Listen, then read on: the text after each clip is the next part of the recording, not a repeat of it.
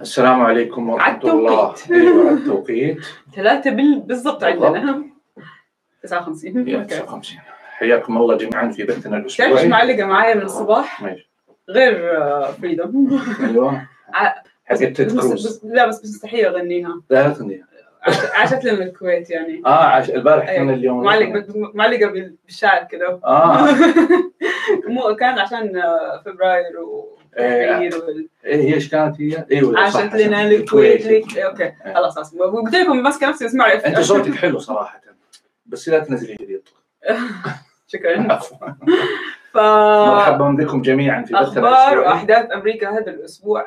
لا تختصر في ساعة ولكن راح نعمل المستحيل اليوم إنه نحاول آه، نسرع في إن شاء الله فخلينا نبدأ مع بايدن اللي في تكساس ومع ترامب اللي في فلوريدا. إيش صاير اليوم وفي هذه الساعات في أمريكا؟ في حدثين مهمين. يا آه، بايدن كان أعتقد من آه، بداية الأسبوع كانوا. قايلين إنه حينزل على تكساس يشوف إيش إيش اللي صار بال آه، بالتجهيزات حقت الحكومة المحلية والمتطلبات اللي صاير. يعني نوعا ما عمل بعد بعد اللي صار بعد اللي صار بعد بعد التل الثلج والعاصفة. الكهرباء انقطاع الكهرباء. والغاز وكذا. فهي يعني فعليا هم وصفوها بجولة إشرافية. أوكي؟ فيعني هذه يعني جزء من أو بس كان في نقطة مهمة إنه كان يقول لك إنه هذا اختبار حقيقي لبايدن.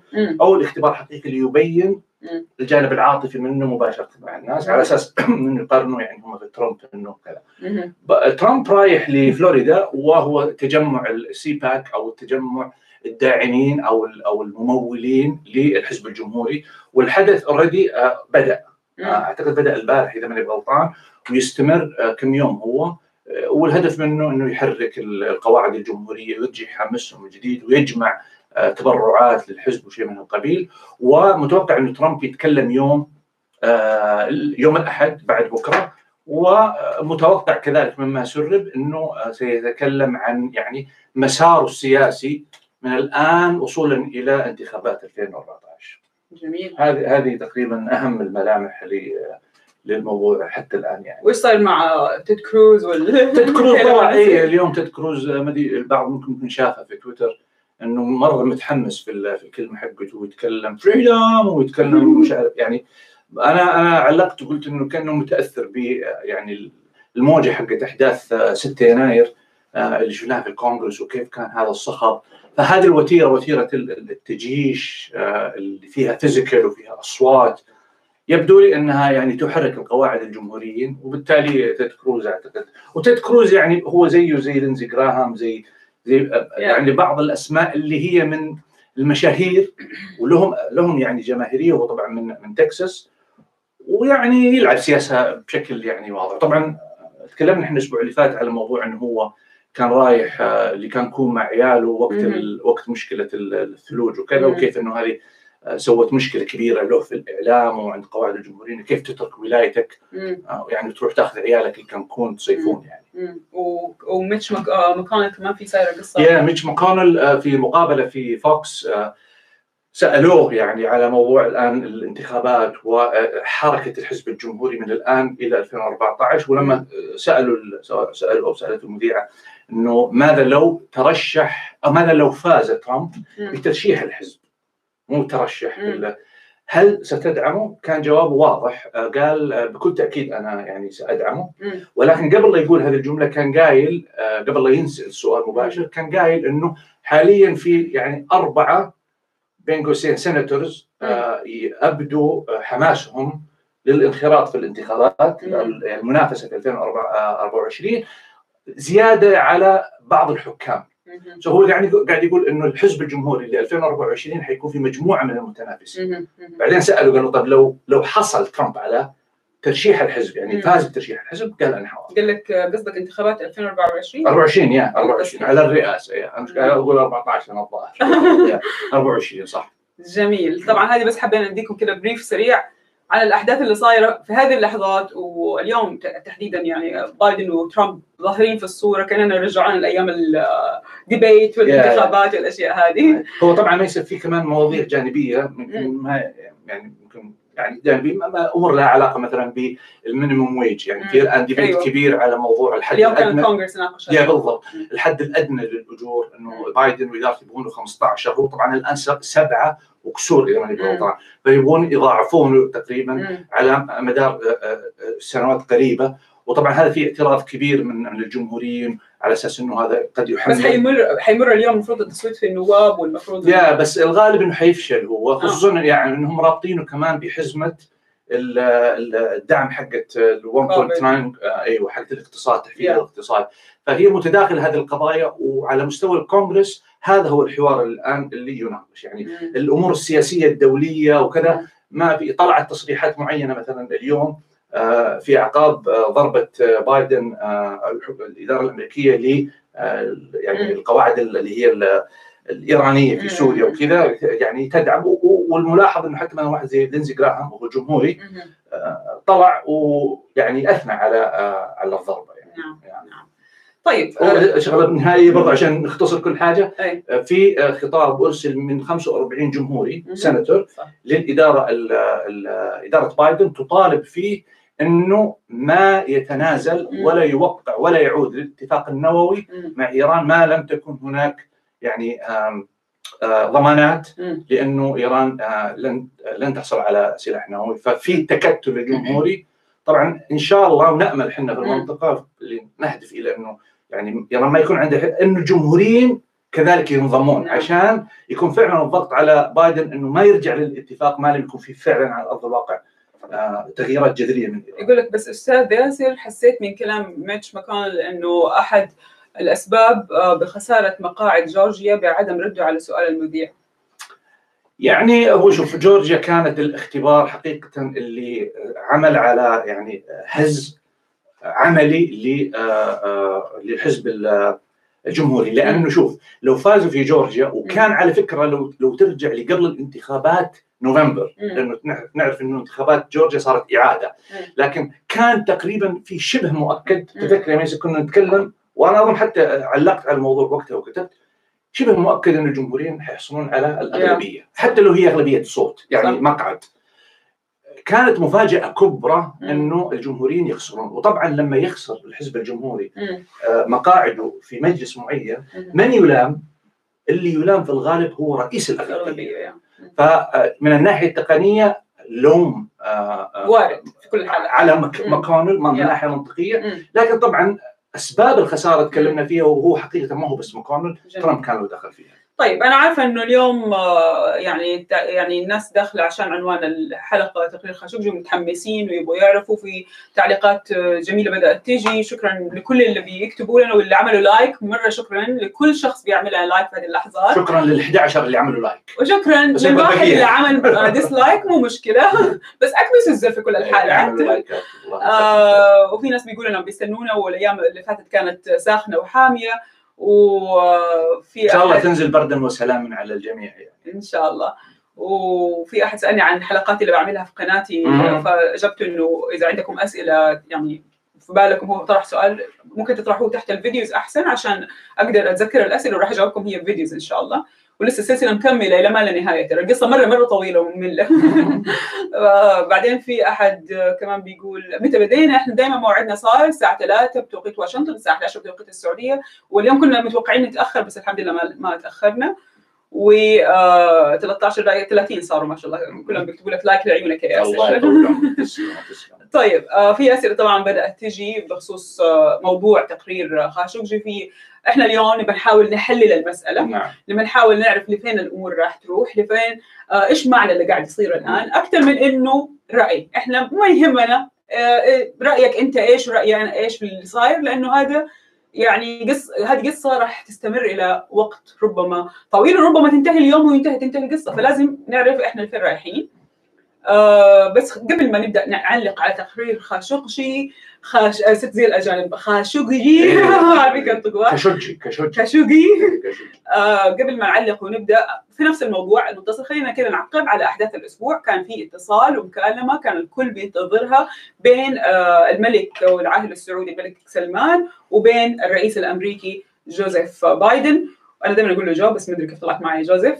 فأول حاجة ياسر خليني أسألك سؤال مباشر وواضح وصريح. ليش هذا الزخم حول مكالمة آه، الرئيس الأمريكي والملك السعودي؟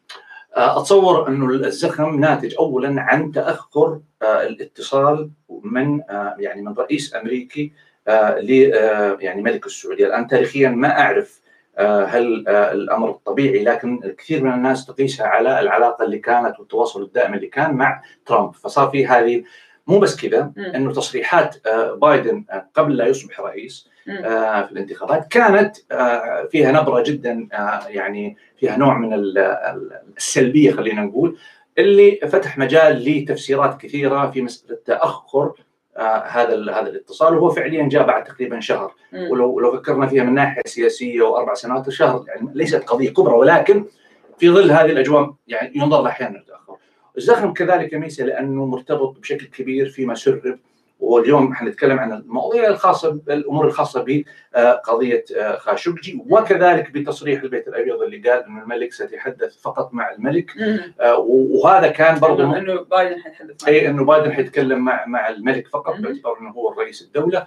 وما ما فسر كذلك بهذا المعنى بحيث إنه قد يكون له مواقف من الأمير محمد وبالتالي من مواقف من السياسة السعودية.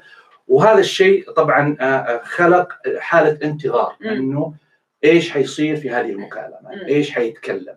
آه، وأعتقد إنه الإعلام لعب دور رئيسي في إنه يخلق حالة طيب. الزخم هذه. الاتصال طبعا تطرق لملفات معينة وفقا للبيان اللي شفناه من البيت الأبيض تطرق لملفات معينة من أبرزها كان حقوق الإنسان الإفراج عن بعض المعتقلين في السعودية مؤخرا اللي هم سعوديين أمريكيين ومنهم كمان لجين هي ما عندها جنسية أمريكية ولكن برضه من الأسماء اللي انذكرت في التقرير. وأيضا ملف حرب اليمن. آه، إيش في كمان الأمن الاقليمي الأمن الإقليمي وأعتقد انه انه إنه تعبير الأمن الإقليمي زي جا ما زي ما جاء في بيان آه، البيت الأبيض كان يتحدث تحديدا فيما يتعلق بإيران. البيان السعودي بالمقابل كان واضح في هذه الجزئية. تكلم عن جزئية آه، العلاقة مع إيران وضرورة منع إيران وكذا. فاحنا عشان نقرأ بالضبط إيش إيش الحديث اللي صار من المهم ان نشوف البيانين. لأنه بعض البيان في في أحد يعني البيان البيت الأبيض ذكر أمور بعمومياتها وذكر أمور بتفصيلاتها.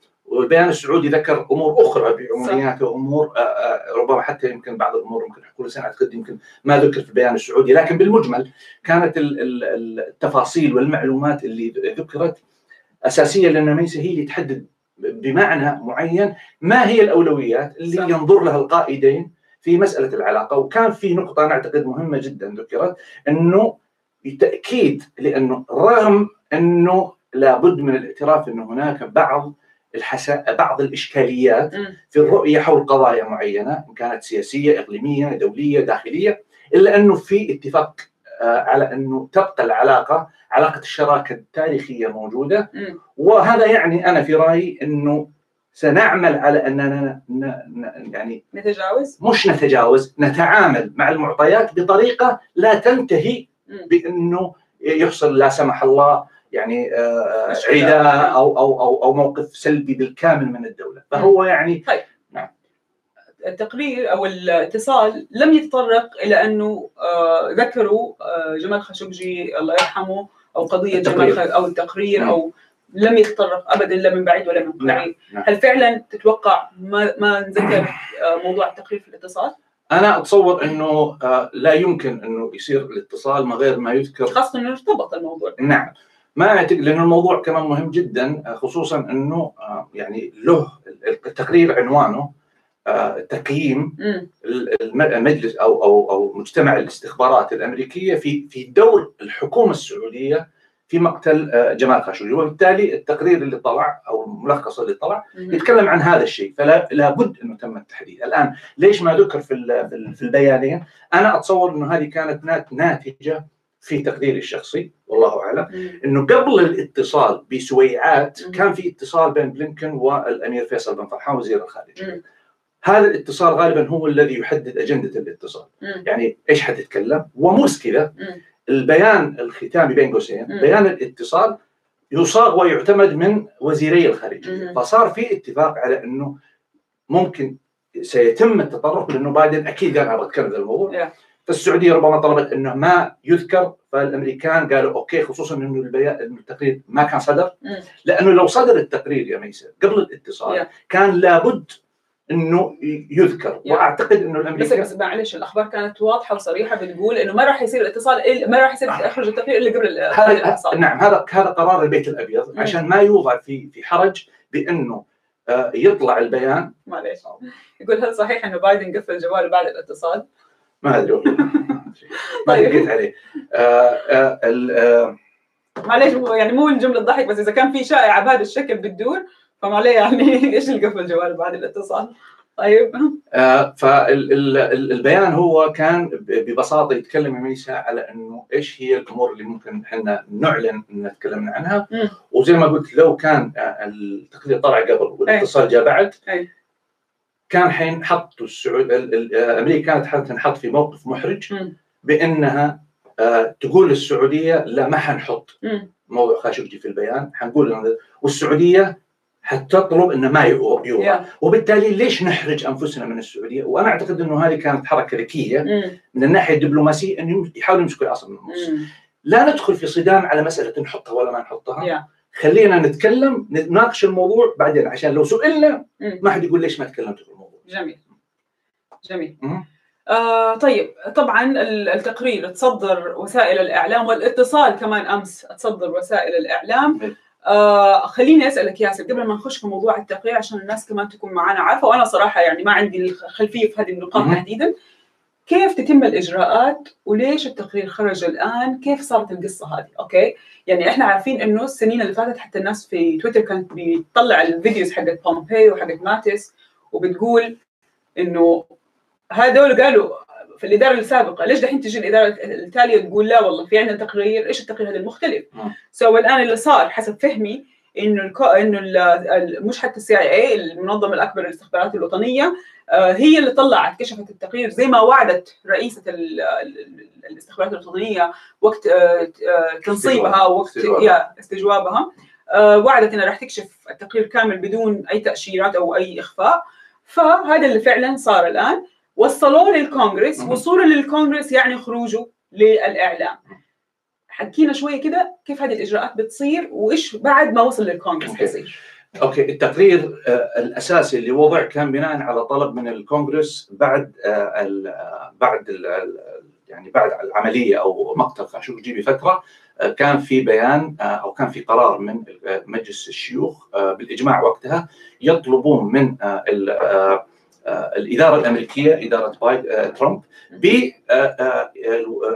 بصياغه أو آه، إعطاء تقرير مفصل عن اللي صار. okay؟ وهذا هذا إجراء متبع من الكونغرس انها تطلب آه، من الجهات التنفيذية تقارير تفصيليه عن اللي صار. الآن التقارير لما توضع أحيانا تكون آه، فيها حساسية خاصة بالأمن القومي وهذا من يحدد هذا الأمر هي الإدارة نفسها. يعني إدارة ترامب كانت تقول إنه المعلومات اللي فيها معلومات قد تضر بالأمن الوطني أو الأمن القومي وبالتالي يجب أن لا تنشر للعيان واحيانا لابد أنها تكون مخفي مخفي منها آه، آه، عبارات أو معلومات حماية إما ل آه، خلينا نقول يعني عملاء سريين أو كذا.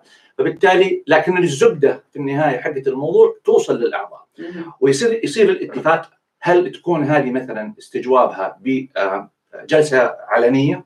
ولا يكون من خلال interview مع رئيسة ال CIA ولا الجهة المعنية وتناقش وت- وتقول وحتى يمكن ما تسلمهم ال- الملف نفسه حق التقرير وهذا اللي صار إنه جت اسبل إيش اسمها آم، آه، جين اسب آه، اسبل هاسبل هاسبل حقت. ال CIA وعملت briefing للجنة ال- الشؤون الخارجية اعتقد ولجنه الاستخبارات آه، في مجلس الشيوخ وقالت ما عندها، إيش اللي قالت الآن؟ إحنا ما شفناه ولا قرينا.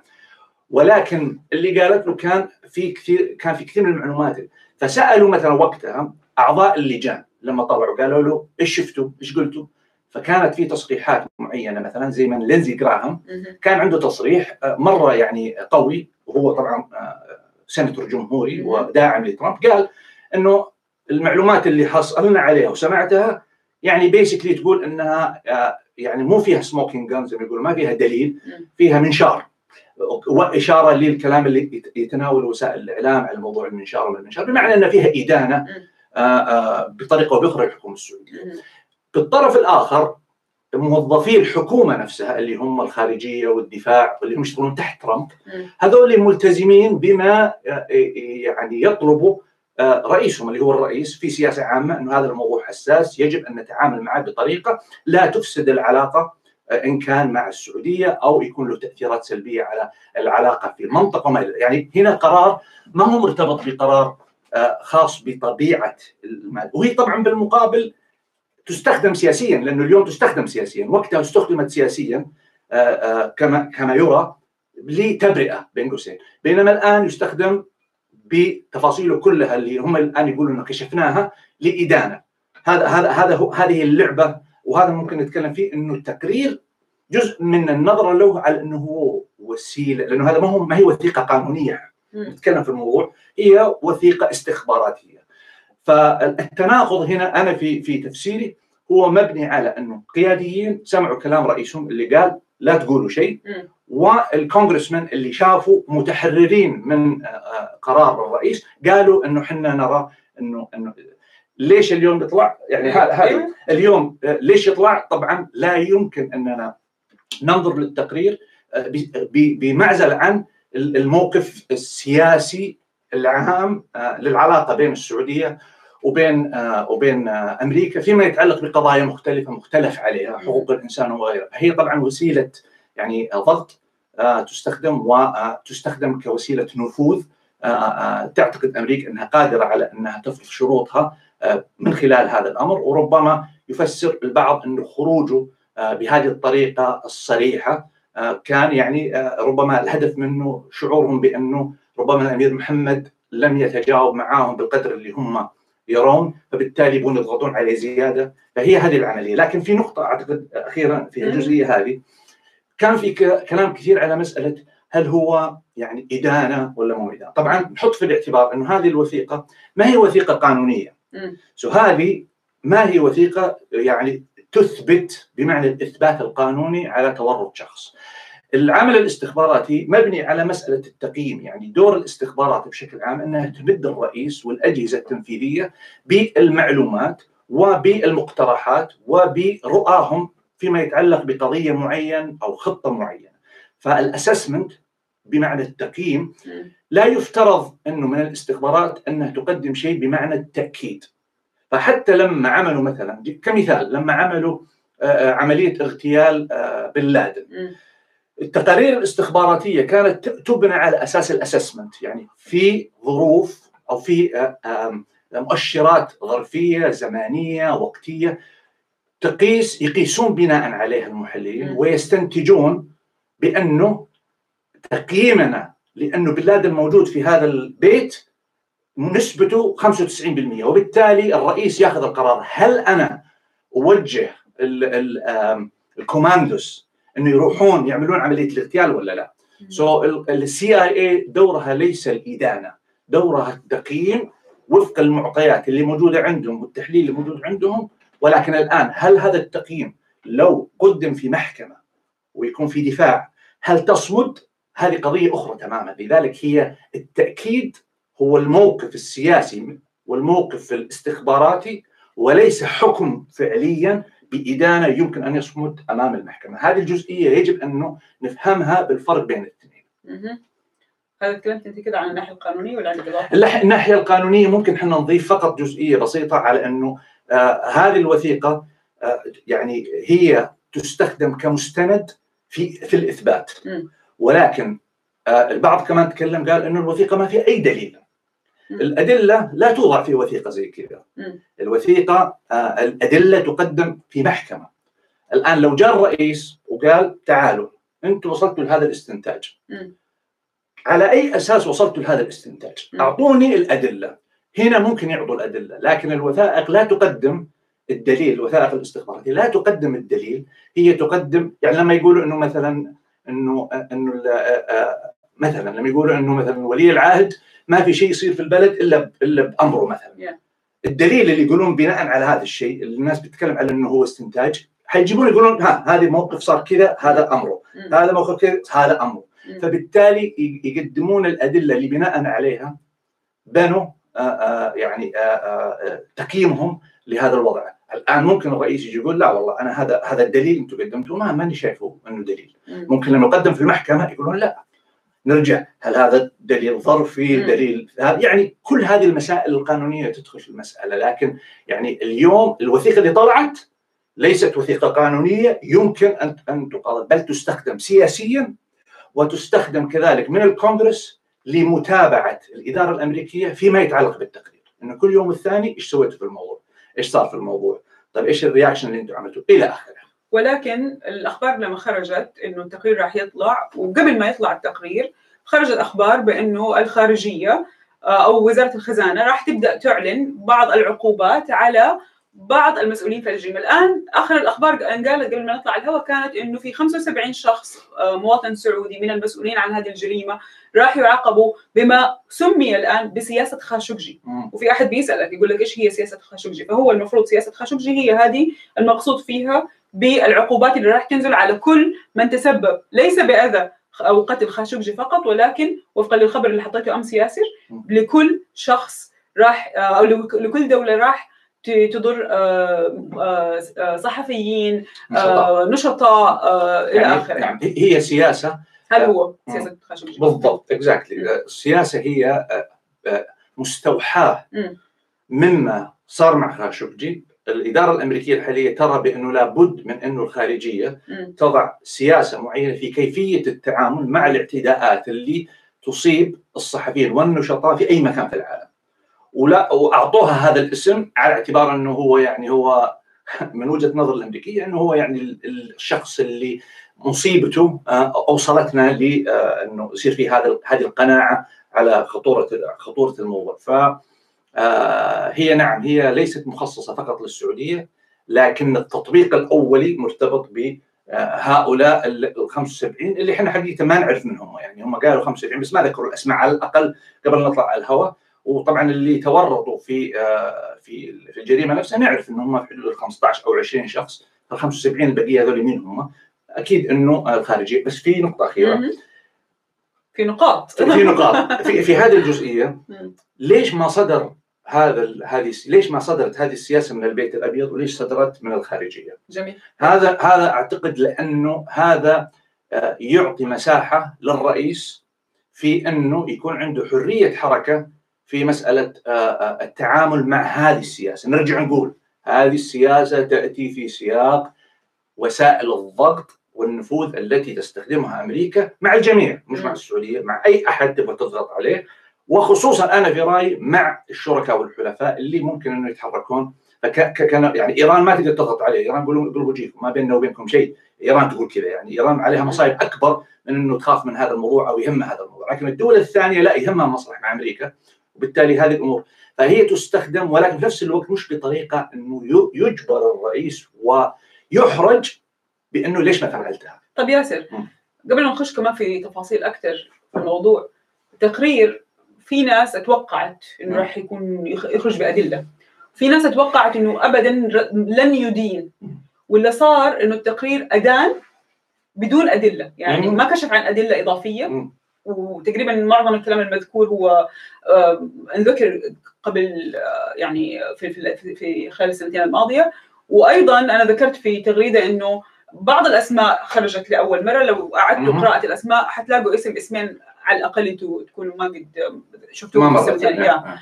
فالتقرير حتى اللحظة خرج بإدانة بدون دليل قاطع جديد كيف تفسر هذه؟ أنا أفسر لأنه نرجع نقول نفس الجزئية إنه الوثائق الاستخباراتية اللي ترفع لل مم. يعني للكونغرس آه، هي هي ليست وثائق قانونية تثبت هي وثيقة يتحمل مسؤوليتها الاجهزه الاستخباراتية. أمام الكونغرس بحيث إنه تساءل على سياساتها وأعمالها بناء عليها. فهي لو يعني الأدلة لو تطلع يا ميسا تطلع في جلسة مغلقة تطلبها مثلا لجنة الاستخبارات أو لجنة ال ال الخارجية. آه، للاطلاع على الأدلة وممكن اللجان لو فعلا تبغى تعمل مشكلة كبيرة ممكن تيجي تقول نبغاها جلسة علنية. وهنا يجي دور بايدن. هل يوافق إنها تكون جلسة آه، آه، يعني علنية ولا لا؟ لأنه ممكن نفسه يجي يقول لا أنا بهذه الطريقة أنت كذا تعمل لي مشكلة كبيرة مع السعودية. ما اعرف أتعامل مع السعودية أنا حاعطيك المعلومة عشان تعرفها. بس ما ما ما تحطني في حرج أو ما تعمل لي حاجة ممكن تضر مصلحتي مع السعودية لأن لو طلعت أنا وقدمت الأدلة لنفرض إنه في أدلة. والأدلة تفضح تماما التورط زي ما هم بيقولوا. إيش موقف العالم كله مثلا؟ من السعودية حيكون بناء على هذه الأدلة اللي الجميع شافها. هذا قد يكون لها مضرة للشريك حتى لو إحنا مختلفين معه حتى لو إحنا نبغى نتعامل معه بطريقة إنه يكون في شوي أكثر يعني تعاونا معنا لكن أنا ما أروح أعمل الطريقة هذه بحيث إني زي ما يقولوا يعني يعني أدخله في جدار. هذا هذا من الناحيه الدبلوماسية خطأ. ولكن ممكن الرئيس في يوم ما إذا وصلت العلاقة إلى إلى لا سمح الله إلى علاقة سيئة زي ما يقولوا ذاك الوقت ما عنده شيء يخسره فيستخدمها وأنا أعتقد شخصيا إنه بايدن أهمية هذا الأمر لأنه بالنسبة لهم يعتبرون هذا التقرير هم يعتقدون. إنه هو وسيلة ضغط حقيقية يمكن السيطرة فيها على السعودية. جميل الآن السعودية كحكومة مم. هل هي مطلعة على الأدلة و- وعندها تحفظ وعندها مثلا تخوف إنها تطلع. حتى لو ما لها علاقة بإدانة مثلا ولي العهد نفسه لكن إدانة زي ما صار مثلا مع تقرير 11 سبتمبر. اللي كانوا يقولون اللي قالوا فيه إنه في تورط آه، آه، شخصيات سعودية في تمويل ال- الإرهابيين. الحكومة وقت بوش ترى 27 صفحة ولا 28 صفحة لغت إنها تطلع بعدين طلعت. مع مع لجنة أخرى. وبس وقتها كانت كل القضايا المرفوعة أسقطت وصار في نوعا ما أعتقد آه، ثبت براءة. يعني كان وقتها ما خلوا أحد في الحكومة السعودية ما اتهموا. يعني استثناء أظن الملك. الملك. وقتها لما كان الملك فهد. ولم يلعب بس البقيه ما خلوا أحد. وعموما الآن اللي صار بعد ما تنشر التقرير اللي ما أظهر الأدلة ولكن أدان. والإدانة تعني إنه عندكم أنتم شيء بنيتوا عليه استندتوا عليه عشان تدينوا الآن بعدها بدأت الأخبار تطلع عن وزارة الخزانة آه، فرضت العقوبات وبالعربي حقت الفيزا وحقت التأشيرات. يا آه، من- منع منح الفيزا يا منع منح الفيز ل 75 شخص آه، إحنا نعرف وفقا للتقرير اللي طلع في 21 اسم نعرف بعض الأسماء من أول في أسماء الآن انضافت شوية آه، نعرف إنه الآن 75 شخص ولكن وفقا للأخبار اللي قاعدة تطلع لن يكون ولي العهد السعودي مشمول من ضمن نعم. هذه الأسماء ولا هو واضح إنه من ال 75 هل هي من ضمن الأسماء اللي من أيام ترامب آه، آه، تم تم نعم، في- واضح، في لأن- 15 اسم كان لا لا مذكورة لأنها في التقرير موجود الأسماء نعم اللي هو منهم وفي أخبار طلعت. على يا. في أخبار طلعت على الأسماء مم. المذكورة قبل سنتين مم. بلس أسماء ثانية لأنه 75 يا شخص نتكلم. فهي مشمولة. okay so هذا حتى اللحظة هذا اللي قاعد يصير okay في سؤال يسألك يقول لك هل تعتقد إنه تقرير خاشقجي ممكن يكون نهاية سياسية لولي العهد السعودي؟ ما أتصور إن نهاية سياسية بالمفهوم العام كذا لأنه لا تنسى إنه آه، القرار المرتبط ب آه، يعني هذا الأمر آه، أجيب لك مثال أرجع أعيد لك الاتهامات اللي صارت في أحداث سبتمبر وكيف إنها حتى وصلت أعتقد للأمير سلطان.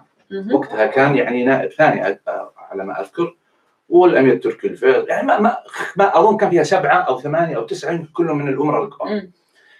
لكن ال- ال- اللي يمكن الفرق وقتها إنها كانت سيفل لوسوت أو يعني كانت أو أو كانت قضية والحكومة الأمريكية كانت تحاول أن تلملم الأمر، اليوم الحكومة الأمريكية هي اللي تعمل الضغط. ال- ال- أنا شخصيا ما أتصور إنه هذا هذا الحدث الآني اليوم يحقق الكلام اللي انت قاعد تقوله. آه، العلاقة يعني تعال عند الأمريكان لو جو الأمريكان جو السعوديين قالوا لهم والله شوف هذا اللي عندنا آه، هذه حكومتنا وهذه قناعاتنا وهذا الأمر آه، اللي اللي عندنا وش بتسوون؟ يعني لو السعودية قالوا كذا. الأمريكان بيقولون fine إحنا حنتعامل معاكم وفق هذا الأمر. إيش معناته؟ بدينا نشوف إحنا تلميحات.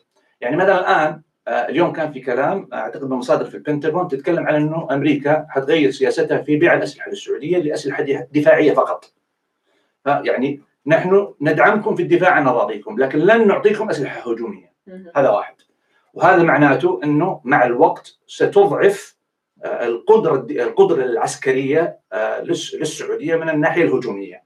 آه، أمور أخرى مرتبطة في آه، لما يكون في عقوبات. الأسماء هذول اللي عليها عقوبات. ما نعرف من هم. قد يكونوا قد يكونوا أشخاص مرتبطين مثلا باعمال مرتبطة بالاستثمارات في البلد مثلا أو خارج البلد.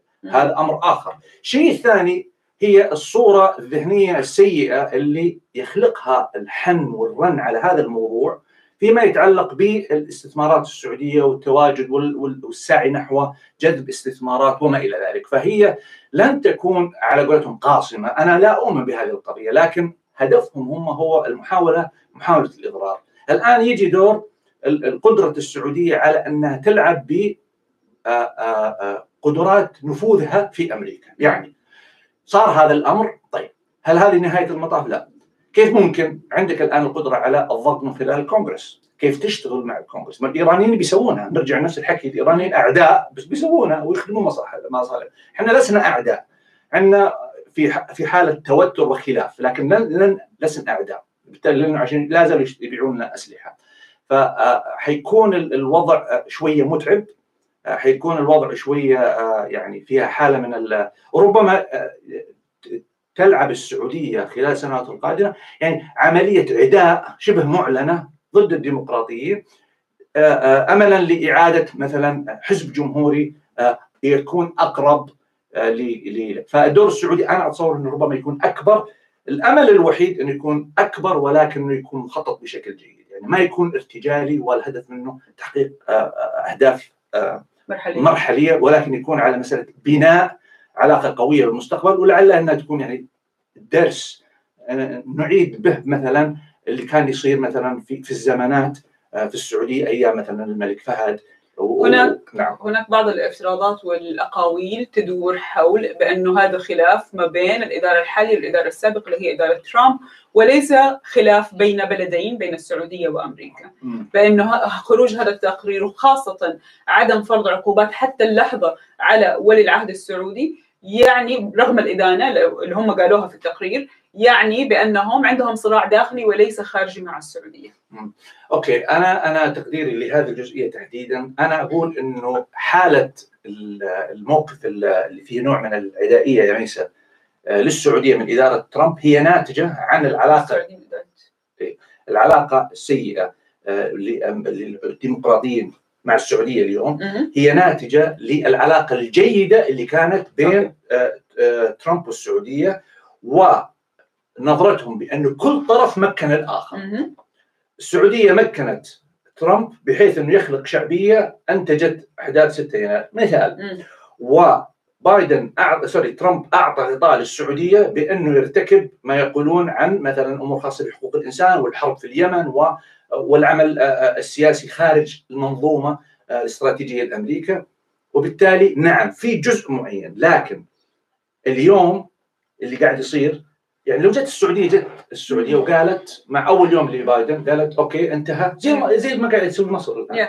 مصر قالوا يعني أنا سمعت لقاء للسفير المصري هنا مم. يتكلم على يعني الرجال جاي في سبتمبر يعني يتكلم قالب على بايدن على. ترامب يعني يقول جيت في الوقت هذا اللي يعني صار في هذه الحالة ويعني كأنهم ما كانوا مع ترامب يعني okay؟ فقلبوا على طول. الموجة. okay؟ أقصد السفير يعني.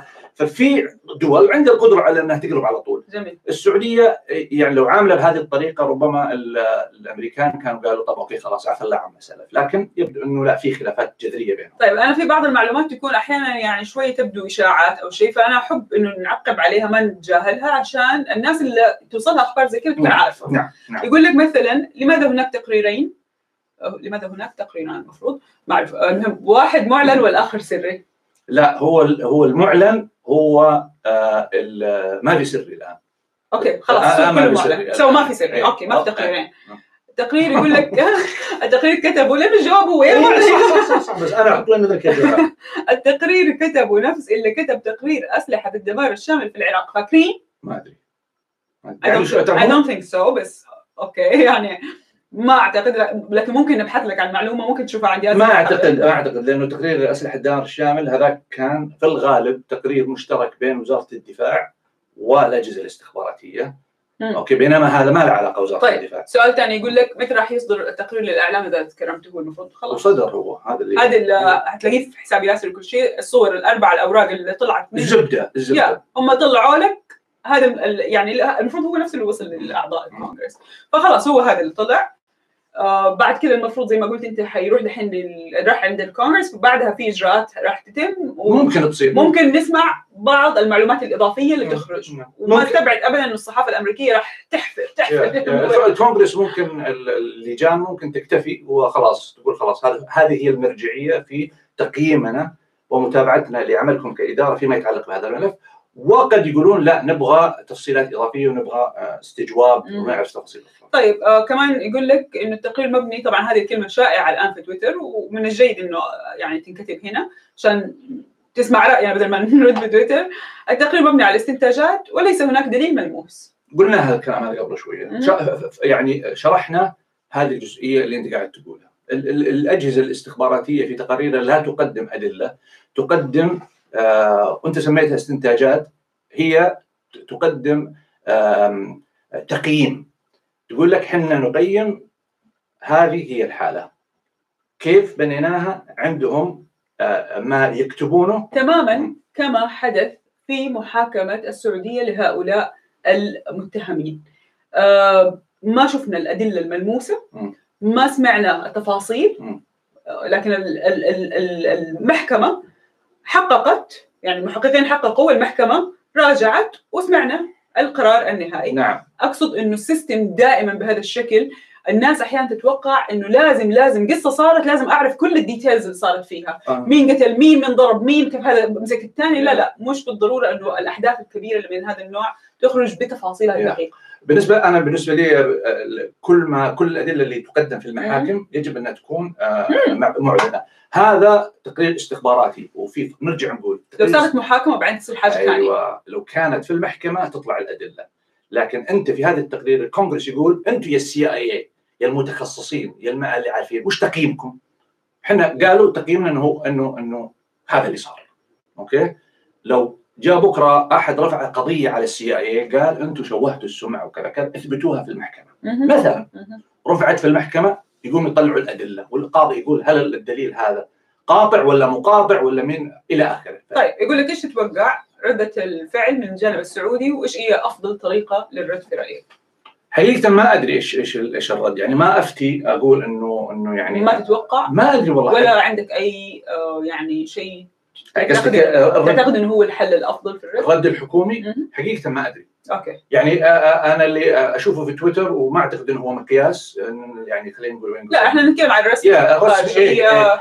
آه، أنا أنا أتصور الخارجيه قد يعني يعني تنفي هذا التقييم يعني هي ديباجة غالبا. وحيقول إنه هذا الكلام إحنا نرفضه جملة وتفصيلا ونرفض التهديد ومن من, من هذا الكلام.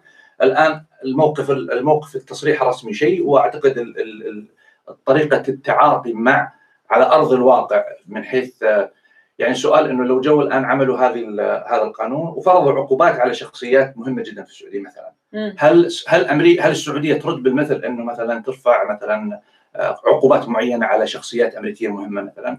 هذا شيء أنا ما أقدر احكم فيه ولا ولا طيب هذا السؤال كمان جيد. يقول لك بومبيو وزير الدفاع قالوا نفس الكلام والتقدير آه والتقرير يقصد إيش الجديد؟ وزارة الخزانة السابقة فرضت عقوبات عليهم، هو صادق يعني في وزارة الخزانة أو فرضت عليهم 15 نعم وكان حتى منعهم من دخول أمريكا مش مهم. في إس يا- يا. طيب إيش ال-.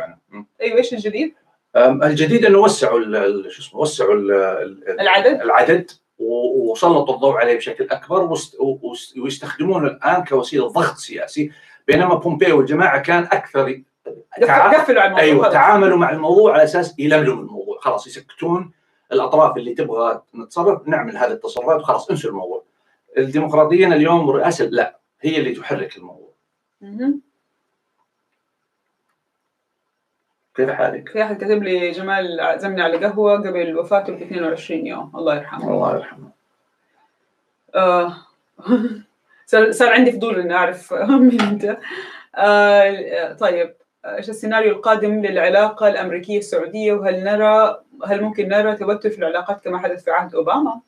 اللي صاير الآن لا يشبه عهد لا أنا اوباما أتصور إنه التوتر ممكن يكون يعني آه، أكثر. آه، لأنه عهد أوباما كان آه، توتر من من طرف السعودية تجاه إدارة أمريكية تحاول أن تمشي بطريقة لا تناسب السعودية ولكنها تحاول في نفس الوقت إنها تراضي السعودية، يعني ما تدخل معاها في مواجهه، يعني مثلا يعملون شيء السعودية تقول لهم ترى هذا الشيء خطأ يعني ما راضين فالأمريكان يقولون معليش معليش المره هذه ترى نقصد فيها كذا ونوعدكم إنه في كذا كذا كذا. يعني كانوا كانوا الأمريكان نوعا ما أيام أوباما يحاولون يسلكون.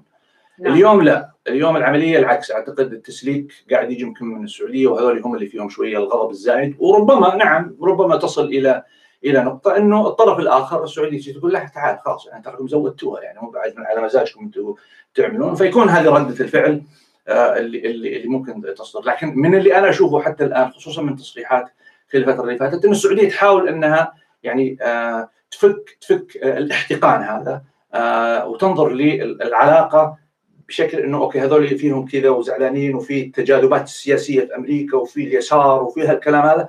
خلينا يعني نمشي معاهم ونشوف نطبطب معاهم حتى تخف هذه العصبية حقتهم وترجع الأمور إلى ما كانت عليه، أنا أتصور إنه حتى الآن التعاطي السعودي مع الموضوع فيه شيء من من الروية. يعني ما ما ما دخلوا في هذه الحالة ولكن أعتقد لو يمكن الأمريكان زادوا وضغطوا وضغطوا. يمكن ردة الفعل السعودية وقتها تكون شوية يعني آه، أكثر شدة وفيها يمكن حتى قد قد تنتج ربما أخطاء من الطرفين. آه، يقول أخبرني جمال نفس الأخ اللي بيقول إنه قبل قبل ب 22 يوم يقول أخبرني جمال إن علاقته مع الحكومة السعودية مطمئنة ولا داعي للخوف. أنا استبعد صراحة إنه قبل ب 22 قال لك هذه العبارة لأنه الله يرحمه جمال شوية كان يعني متوتر في الفترة الأخيرة وكل اصدقائه اللي حوله يعرفوا يعني يعرفوا هذه الحالة اللي صارت في الفترة الأخيرة تحديدا الله يرحمه. آه، أنا على فكرة حطيت في حسابي في الإنستغرام شوية قصة كده قصيرة صارت مع جمال الله يرحمه ولما وقع لي كتابه قبل لا يعني وفاته يقتل بشهر ونص تقريبا. طيب آه، في أسئلة كمان صراحة كثير بس أنا بحاول ألحق عليها. لأنه في تعليقات كمان داخلة على الخط آه، يقول لك متى ممكن نعرف نوايا المرشحين لانتخابات 24 برأيك ما هو أكثر مشروع ناجح في تحقيق اهدافه المشروع الإيراني أو التركي أو الإسرائيلي أو السعودي إلى آخره؟ وشكرا تبي تعقب بسرعة؟ إيه بسرعة. أنا أعتقد إنه الأتراك الآن حاطين رجل على رجل وأعتقد التجاذبات اللي قاعدة تصير في المنطقة قاعدة تخدمهم يعني من غير ما يسووا شيء. فربما يتدخلون في مرحلة لاحقة لما يحسون إنه في يمين يسار قاعد يصير. اللي شغالين صح الآن. طبعا الإسرائيليين طول عمرهم شغالين صح وهم الأكثر تاثيرا. آه، الإيرانيين شغالين وعندهم مصالح وعندهم قدرة حتى الآن على أنه آه، يعني ما يص... يعني ما ما قاعدين يلعبون ذيل الأسد. يعني قاعدين نوعا ما يعني في نوع من ال... فرد العضلات شوي لكنه لا زال آه، يحاولون مع الأمريكان. السعودية اليوم أعتقد وضعها من من من الناحية السياسية والضغط في أمريكا يمكن أقل. آه ولكن دائما يقولوا يعني مع مع مع مع التحديات تجي الفرص. فأعتقد هي أكثر واحدة حتحتاج إنها تشتغل الفترة الجاية. آه لأنه يعني حيكون في تحدي كبير خصوصا انه إحنا لسه في بداية أربع سنوات. يقول لك ليش تتدخل أمريكا في الشؤون السعودية الداخلية وهل لها الحق في ذلك؟ زي قضية خاشقجي؟ أوكي قضية خاشقجي نرجع نقول بالملخص هي قضية أخذت آه يعني ما هي داخلية؟ آه إيه لا هي هي باختصار ما هي داخلية. لا لا هي قضية تستخدم سياسيا الآن ولكن آه، ربما آه، وقوعها أعطى مجال لمن يريد أن يلعب سياسيا ويضغط ويملك القوة أنه يستغلها. فربما هي كانت خطأ أنه ترتكب من الأساس الآن السياسة هي آه، تحمل التبعات والتعامل معها. هل لهم الحق؟ دائما في السياسة الدولية من يملك القوة هو له الحق. أو قوة المواجهة خلينا نقول. فالأمريكان لا يتعاملون مع العالم من منطلق يعني الند يتعاملون مع مع مع العالم على على بناء على الدول يعني. فعلى أنهم هم التابعين خصوصا الدول التي تربطهم بعلاقة شراكة أو أو تحالف استراتيجي. والسعودية اليوم هي جزء من المعسكر الأمريكي تعتمد تماما على أمريكا في التسليح في في, في الاستثمار في يعني في في حتى الاستثمار السعودي في أمريكا. يعني الاقتصاد والجيش وحتى الثقافة آه، كلها يعني مرتبطة. فأمريكا عندها هذا هذا ال leverage أو هذا النفوذ وبالتالي آه، تسمح لنفسها أنها تتدخل. لكن تتكلم على الأعراف الدولية الأعراف الدولية واضحة ما في دولة تتدخل في الأخرى. لكن كون إنه آه، خاشقجي كان مقيم في أمريكا ويعمل في وسيلة إعلام إعلام أمريكية وكان ناقد okay؟ في وقت حكومة ينظر لها من كثير من الاطياف في أمريكا أنها ضد الرأي الآخر ويقتل بهذه الطريقة يعني فتحت مجال نقطة ضعف أنها تستغل لتصفية حسابات أو مم. إخضاع أكثر وما إلى ذلك. في احد يقول لك إنك تشبه ريكاردو كرم تعرف؟ ريكاردو كرم التقينا على فكرة في منتدى الإعلام وإحنا في دبي ريكاردو كر- آه عرفته اي كان عرفته. كان على فكرة منتدى الإعلام في دبي مناسي والله 2013 أظن قبل ما نتزوج أنا. وأنت كان على هامشو كان في شيء حق مسبار الامل على فكرة وقتها والله. تتذكر لما رحنا في برج خليفة جلسونا في طاولات جلست أنت في طاولة مع مجموعة في طاولة مع لا كانت وقتها وقت موضوع ما كان مسبار مريخ. لا. كانوا يفكروا كان يدرسوا على المريخ كان عندهم شيء له علاقة بالرؤية. آه okay. وكل طاوله سوت شيء. إحنا إيه، طاولتنا إيه، سوت شيء على إيه، المريخ إيه، إحنا كنا نتكلم أظن على إحنا طاولتنا سوت شيء على المريخ إيه. عشان كذا أنا أحس إنه ال session كلها لا لا كانت. اظن كانت اظن في الأرماني ولا لأنه لا؟ لما شفت مسبار الامل تذكرت ال session هذيك إنه لما جلسنا وقاعدين نتكلم عن المريخ ولما قمنا كصحفيين نفكر إنه يعني إحنا قاعدين نتكلم عن المريخ الآن. خلونا إحنا بس نخلص من الاعلام اللي على الأرض. ما كذا. طيب فكان هو موجود وقتها المهم آه البعض لا آه في أحد بيقول آه وهذا سؤال منطقي يقول آه يعني هل تتوقع إنه آه تتغير آه الدول آه نظرة أو تعامل الدول الأوروبية وأمريكا وإلى آخر الدول هذول. آه مع ولي العهد السعودي بعد هذا التقرير أتصور نعم لكن باي بأي مستوى أعتقد يعني أنا أتذكر إحنا هو معلش السؤال كان بيعلق على نقطتك لما سألتك إذا كانت نهاية سياسية فهو بيقول لك إذا ما كان نهاية سياسية فهل تتوقع إنه يتم استقباله. لهذه الدرجة شوف أنا أعيد التاريخ بعد حادثة شو اسمه بعد حادثة خاشقجي مباشره نتذكر كان في آه، قمة للجي 20 مم. ووقتها كان آه، يعني كان في آه، يعني كان الوضع اوكورد شوية أو كان. في نوع من الحرج مع مع بعض الدول ال- ال- ال- الصديقة. آه، وقتها لكنه بعد ما عدى خلاص يعني صار الموضوع انتهى ورجعت المياه إلى مجاريها ورجعت العلاقه. و... وأنا ليس دائما يعني أشبه مثلا في هذه الأمور يعني واحد زي بوتين مثلا مع مع الفرق يعني خلينا إحنا ما نقارن مثلا بين معلش بس السعودية تقول واحد كاتب لي الشرق كاتبه عاجل السعودية تقول إنه تجدد إنه مقتل خاشقجي جريمه نكراء شكلت انتهاكا صارخا لقوانين المملكة وقيمها آه إنه مثلا يعني آه بوتين مثال يعني آه ما أبغى ما أبغى اقارن مثلا Yeah. آه ولي العهد ببوتين ولكن بقول لك من ناحية إنه يعني بوتين مثال للرئيس اللي يعني ما عنده أي أخلاق يعني. على المستوى الدولي. لكن الدول بتتعامل معه الآن okay بوتين ممكن عنده سلاح نووي مم. روسيا قوية ولكن بصرف النظر عن هذا الأمر يبقى في النهاية آه، ال- العلاقه يعني اللي صار يا ميسا ما هو بأنه مثلا السعودية في مثال أو بن محمد مثلا مم. راح مثلا آه، غزا دولة واحتلها مثلا. مم. okay؟ نعم في حرب في اليمن ولكن حرب قاعد يتكلمون عنه نعم هذا اللي صار. okay قتل واحد ماشي. طيب okay يعني هل الدول تخسر مصالحها؟ أنا أنا هنا قناعتي بأنه هذه وسائل ضغط ولكن في اللعبة السياسية إذا الثمن مناسب يتجاوزون المسائل المرتبطة بالمبادئ والحقوق هذه السياسة مم. والأجانب ليسوا أكثر اخلاقيا أو عندهم أخلاق بالمبادئ اللي يزايدون فيها على الدول الثانية مم. طيب معلش بس أعتقد لازم نقرأ بيان الخارجية مم. لأنه الآن الناس قاعدة تنقل آه، بيقولوا إنه قايلين إنه حكومة المملكة ترفض رفضا قاطعا لما ورد في التقرير لأنه في البعض شفت حسابات رسمية مو رسمية يعني موثقة. طلعت في تويتر وقالت إنه التقرير قال نفس الكلام الموجود. الآن إذا كان هذا الكلام صحيح إنه ترفض رفضا قاطعا لما ورد في التقرير الذي زود به الكونغرس بشأن جريمة مقتل خاشقجي هنا تختلف الأحاديث. والكلام. يا أنا أقول لك الادانه هذا شيء متوقع مم. بس هو الإدانة شيء وأنا أرجع أقول دائما العمل السياسي شيء آخر أوكي صار في إدانة طيب وبعدين على أرض الواقع إيش؟ نفس اللي صار الآن بالتقرير. الكونغرس حيجي يقول okay وصلتوا لهذا الاستنتاج إيش حتعملون؟ أول حاجة سوته الخارجيه قالت حنعمل سياسة سياسة جديدة اسمها سياسة خاشقجي مرتبطة بملاحقة ومنع وإلى آخره وعقوبات على أي أحد يتعرض للصحفيين والنشطاء. okay إيش حتسوون زيادة؟ هي فالآن البيانات آه، تحدد الموقف. يبقى الآن الإجراءات اللي على أرض الواقع اللي تأخذها السعودية باتجاه آه، آه، أمريكا. قد ممكن مثلا تقول لك أنا ما مثلا السعودية تقول ما أبغى أخذ أنا مثلا على سبيل المثال موقف من الحكومة الأمريكية. لكن أنا مثلا برفع مثلا الضرائب على الشركات الأمريكية اللي جاية تستثمر عندنا كمثال. أو مثلا قطاعات معينة مهمة جوهرية الأمريكان يبغون يستثمرون فيها عشان يأخذون من خيرات البلد أنا هذول ما ما حدخلهم. حخلي الفرنسيين والانجليز مثلا. سو ردة الفعل هنا حتختلف ولكن أنا أتصور لو الضغط هذا زاد السعودية غالبا ومن الناحية العملية ربما تأخذ بعض الخطوات. لكن هذه الخطوات كيف حتحسب؟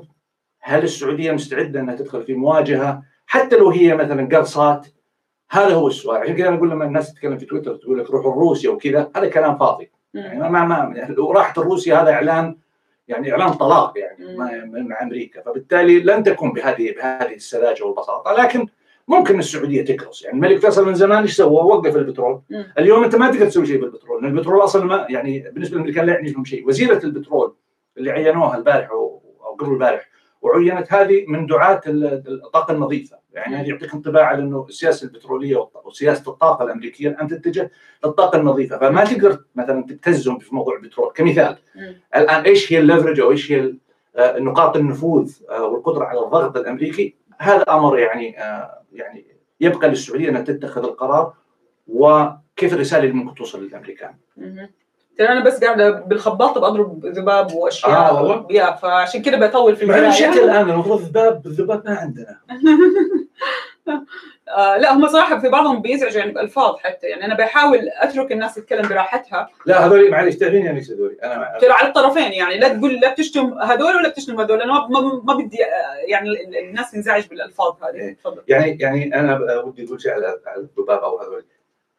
أنت ما حترتاح إلا إذا ما تكلمت في الموضوع. أنت الآن مشكلتك مثلا بالسبب وكذا مو مشكلتك إني أنا انه إنه أنا عندي موقف. أنا ما عندي موقف. أنا قاعد أحاول قدر المستطاع إني أقدم تحليل قد ما يناسبك. يمكن الكلام اللي أقوله يزعلك. يمكن يوترك. يمكن تقول ما نبغى نسمع هذا الكلام. هذا شأنك. بس أنت مشكلتك ما هي مشكله مشكلة مشكلتك إنه ما تبغى أحد يتكلم في الموضوع. مشكلتك إنك تعتقد إنه إذا ما حد تكلم في الموضوع الموضوع مو موجود.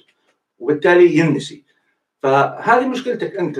أنا أرجع أقول من وجهه من وجهة نظري إحنا نحاول نتناول الموضوع قدر المستطاع بطريقة نتجرد فيها عن إن كنا سعوديين مع أو ضد. لأنه لو مع وضد هذا موضوع ثاني. هذه حتكون جلسة سواليف وتأييد وتضامن. وأنا ماني في مكان إني أجلس تضامن، التضامن له مكان آخر وفي ظروف أخرى. وحتى التضامن يعني إيش القيمة المضافة للتضامن؟ إن كان ياسر تضامن ولا إكس تضامن. ما إحنا نحاول انه نتكلم عشان الناس اللي أنا كمان عندي ياسر حاجة مرة مهمة. عشان كذا في البداية قلت إحنا ما بنقول رأي قد ما بنقول تحليل. آه حاجة مرة مهمة إنه الناس اللي قاعدة الآن أخذت ردة فعل قاعد الأقوال تتضارب بين الناس. يعني أنتم شايفين إنكم بتدافعوا أو شايفين إنكم غاضبين من هذا التقرير وكل واحد له ردة فعل. لكن النتيجة اللي قاعدة تطلع الآن البيانات الرسمية اللي قاعدة تخرج الآن شغال يعني في بيان خارجية وفي فخرجت وكلها تشجب التقرير يعني. نعم. فتناقضت مع بعض من يدافع بطريقة خاطئة. نعم. ليش تيجي تقول لا هذا التقرير هو نفس اللي طلع. أنت قاعد تدين نفسك كذا تقول نفس الكلام اللي طلع معناته نعم. وهذه الادله نفسها حافظينها إحنا وعارفينها. لا يعني لا لا نكتر شوية كلام حول الآراء أكثر من الواقع اللي صاير. موقفك موقفك من الموضوع ما له قيمة. زي موقفي أنا ما له قيمة. القيمة المضافة هي اللي نحاول إنه نتكلم فيه كتحليل إنه تخليك تفكر هل الكلام هذا؟ أوكي صح ممكن يفهم كذا ممكن يفهم كذا. هذه القيمة المضافة اللي أنا طب إيش رأيك في هذول اللي كثير بيرددوا هذه العبارة؟ كثير بشوفها ومن الجيد إنه نجاوبكم يعني أو نعلق عليها. عن مقارنة هذا التقرير بتقرير آه، المخابرات الأمريكية بخصوص تصليح الدمار الشامل في العراق وتبين لاحقا المشاهد العربي يبدو أو المتابع العربي للواقع يبدو إنه صار عنده خلاص. هذا هو المقياس. نعم نعم. وكانه وكأنه ما صار في في التاريخ أي مقاييس أخرى. نعم لا شوفي أنا أرجع أقول لك. قضية زي هذه قضية حساسة م. هذه تخلق شيء طبيعي حالة من التشكك. م. أوكي؟ خصوصا إذا كانت مدفوعة أو كانت محركها آآ آآ موقف شخصي أو موقف سياسي موقف ولاء موقف دفاع. فأنت تروح تسترجع و يعني تجتر مواقف من التاريخ تنقذ هذا الأمر. وأنا أشوف إن هذا حوار صحي. لكن نرجع نقول الآن إنه كلامك صح. ممكن يكون هذا الكلام كله في شنك. وأنا قلت قبل شوية إنه المحرك الرئيسي لهذا الموضوع هو هدفه سياسي. الآن خلينا نفترض إنه كل هذا الكلام اللي قيل خاطئ. طيب إذا كانت النتيجة اللي تبنى عليها العلاقة الأمريكية السعودية هي هذه كيف حتكون العلاقة؟ أنا هنا اللي يهمني ولا مو مسألة يهمني هل هل ما تضمن التقرير حقيقة ولا لا، حتى لو كان كذب، الحين اللي صار في العراق بني على كذبة صح؟ لكنه دمر بلد. تحليل تدمير البلد هو هذا الآن اللي يهمني لكي لا نصل للتدمير. أما قضية إنه والله هو صح ولا مو صح ما يعني لي شيء، لأنه ما دام الأمريكان حيستخدمونه ذريعة لشيء هذا الشيء هو اللي أنا يهمني إنه اناقشه وأنظر له. طيب. لأني ما عندي دليل، يعني لو جيت قلت لا الكلام هذا كذب، طيب كيف أثبته؟ مم. يعني أنت أنت تثبت إنك تقول لا إحنا حكومتنا وكذا وكذا وكذا يقول لك في ماشي. روسيا والصين لا okay تكلمنا عن هذه أنا واحد ثاني يجي يقول لا هذا دليل قاطع أقول Yeah. لك طيب يعني وين الدليل القاطع؟ Yeah. فمناقشة هل هو إثبات أو عدم إثباته ليست القضية، القضية تاثير أنا هنا البقيه يتكلمون زي ما يبغون، أنا بالنسبة لي تأثيرات هذا الموضوع على السياسة والعلاقات بين الدولتين. في ناس آه، بس من أحس إنه من الجيد إنه اتطرق لهذه النقطة إنه في ناس كثير بتقول هل تعتقدوا إنه آه، محمد بن نايف قادم أحمد بن عبد العزيز؟ هذه أشياء أنا أحسها شوية يعني يعني هذه الآراء اللي فعلا مضخمة حجم التقرير. والمفروض إحنا شوي نكون واقعيين. الآن إحنا عايشين هذه اللحظة شايفين هذا الواقع. إذا أنت بتتكلم عن حاجة مستقبلية بعد سنين ما نعرف لكن الآن إحنا بنتكلم عن حالة واقع صايرة. في أحد بيسأل بيقول آه، كيف تتوقع ردة فعل ولي العهد خاصة بعد ال- البيانات اللي قاعد تخرج؟ آه، كيف راح يتعامل مع هذه القضية؟ كيف راح يتعاطى؟ راح يصير في اتصالات مع مثلا زي ما صار مع وزير الدفاع ثاني وتستمر المسألة في موضوع حرب اليمن إنه نوقف الحرب والأمور هذه حيمشي الشغل طبيعي. أي سؤال يشبه قبل شوي الموقف الحكومة السعوديه وقلت على مسألة إنه حيطلع آه، إدانة أو. يطلع ت- تكذيب وكذا، لا حقيقة يمكن وقتها لما قلت إني ما أعرف هو هذا يمكن السؤال اللي ما أعرف جوابه، ما صراحة ما أدري إيش ممكن تكون يعني رد فعل آه، رد الفعل من آه، ولي العهد في هذه الجزئية ما أدري يعني ما أدري هو كيف مثلا يفكر أو ما أدري شو إيش آه، يعني ما أدري. يعني في احتمالين يعني في احتمال إنه مثلا ممكن يتعامل مع هذا الوضع بطريقة يحاول إنه يمتص هذا الغضب ويبين إثباتات إنه whatever أو وممكن في نفس الوقت يقول له مثلا يعني ما ما لكم شغل ولا السيناريوهات كثيرة والاحتمالات كثيرة في كيف يتم طب الآن التعامل. معلش. لكن ما حقولها من خلال معرفة إنه هذا الأمر يعني أتوقع كذا صراحة طب الآن أمريكا بعد آه، شجب وزارة الخارجية وبيانها. إيش أمريكا عادي السعودية أمريكا تتوقع بهذا الشيء ولا تتوقع بغير هذا الشيء مهم. ولا يعني شيء نفس الكلام اللي خاص بالبيان الخاص بالاتصال بين الرئيس والملك سلمان بمسألة إنه سوي بيانك زي ما تبغى. سوي بياني زي ما أبغى في خطوط عريضة.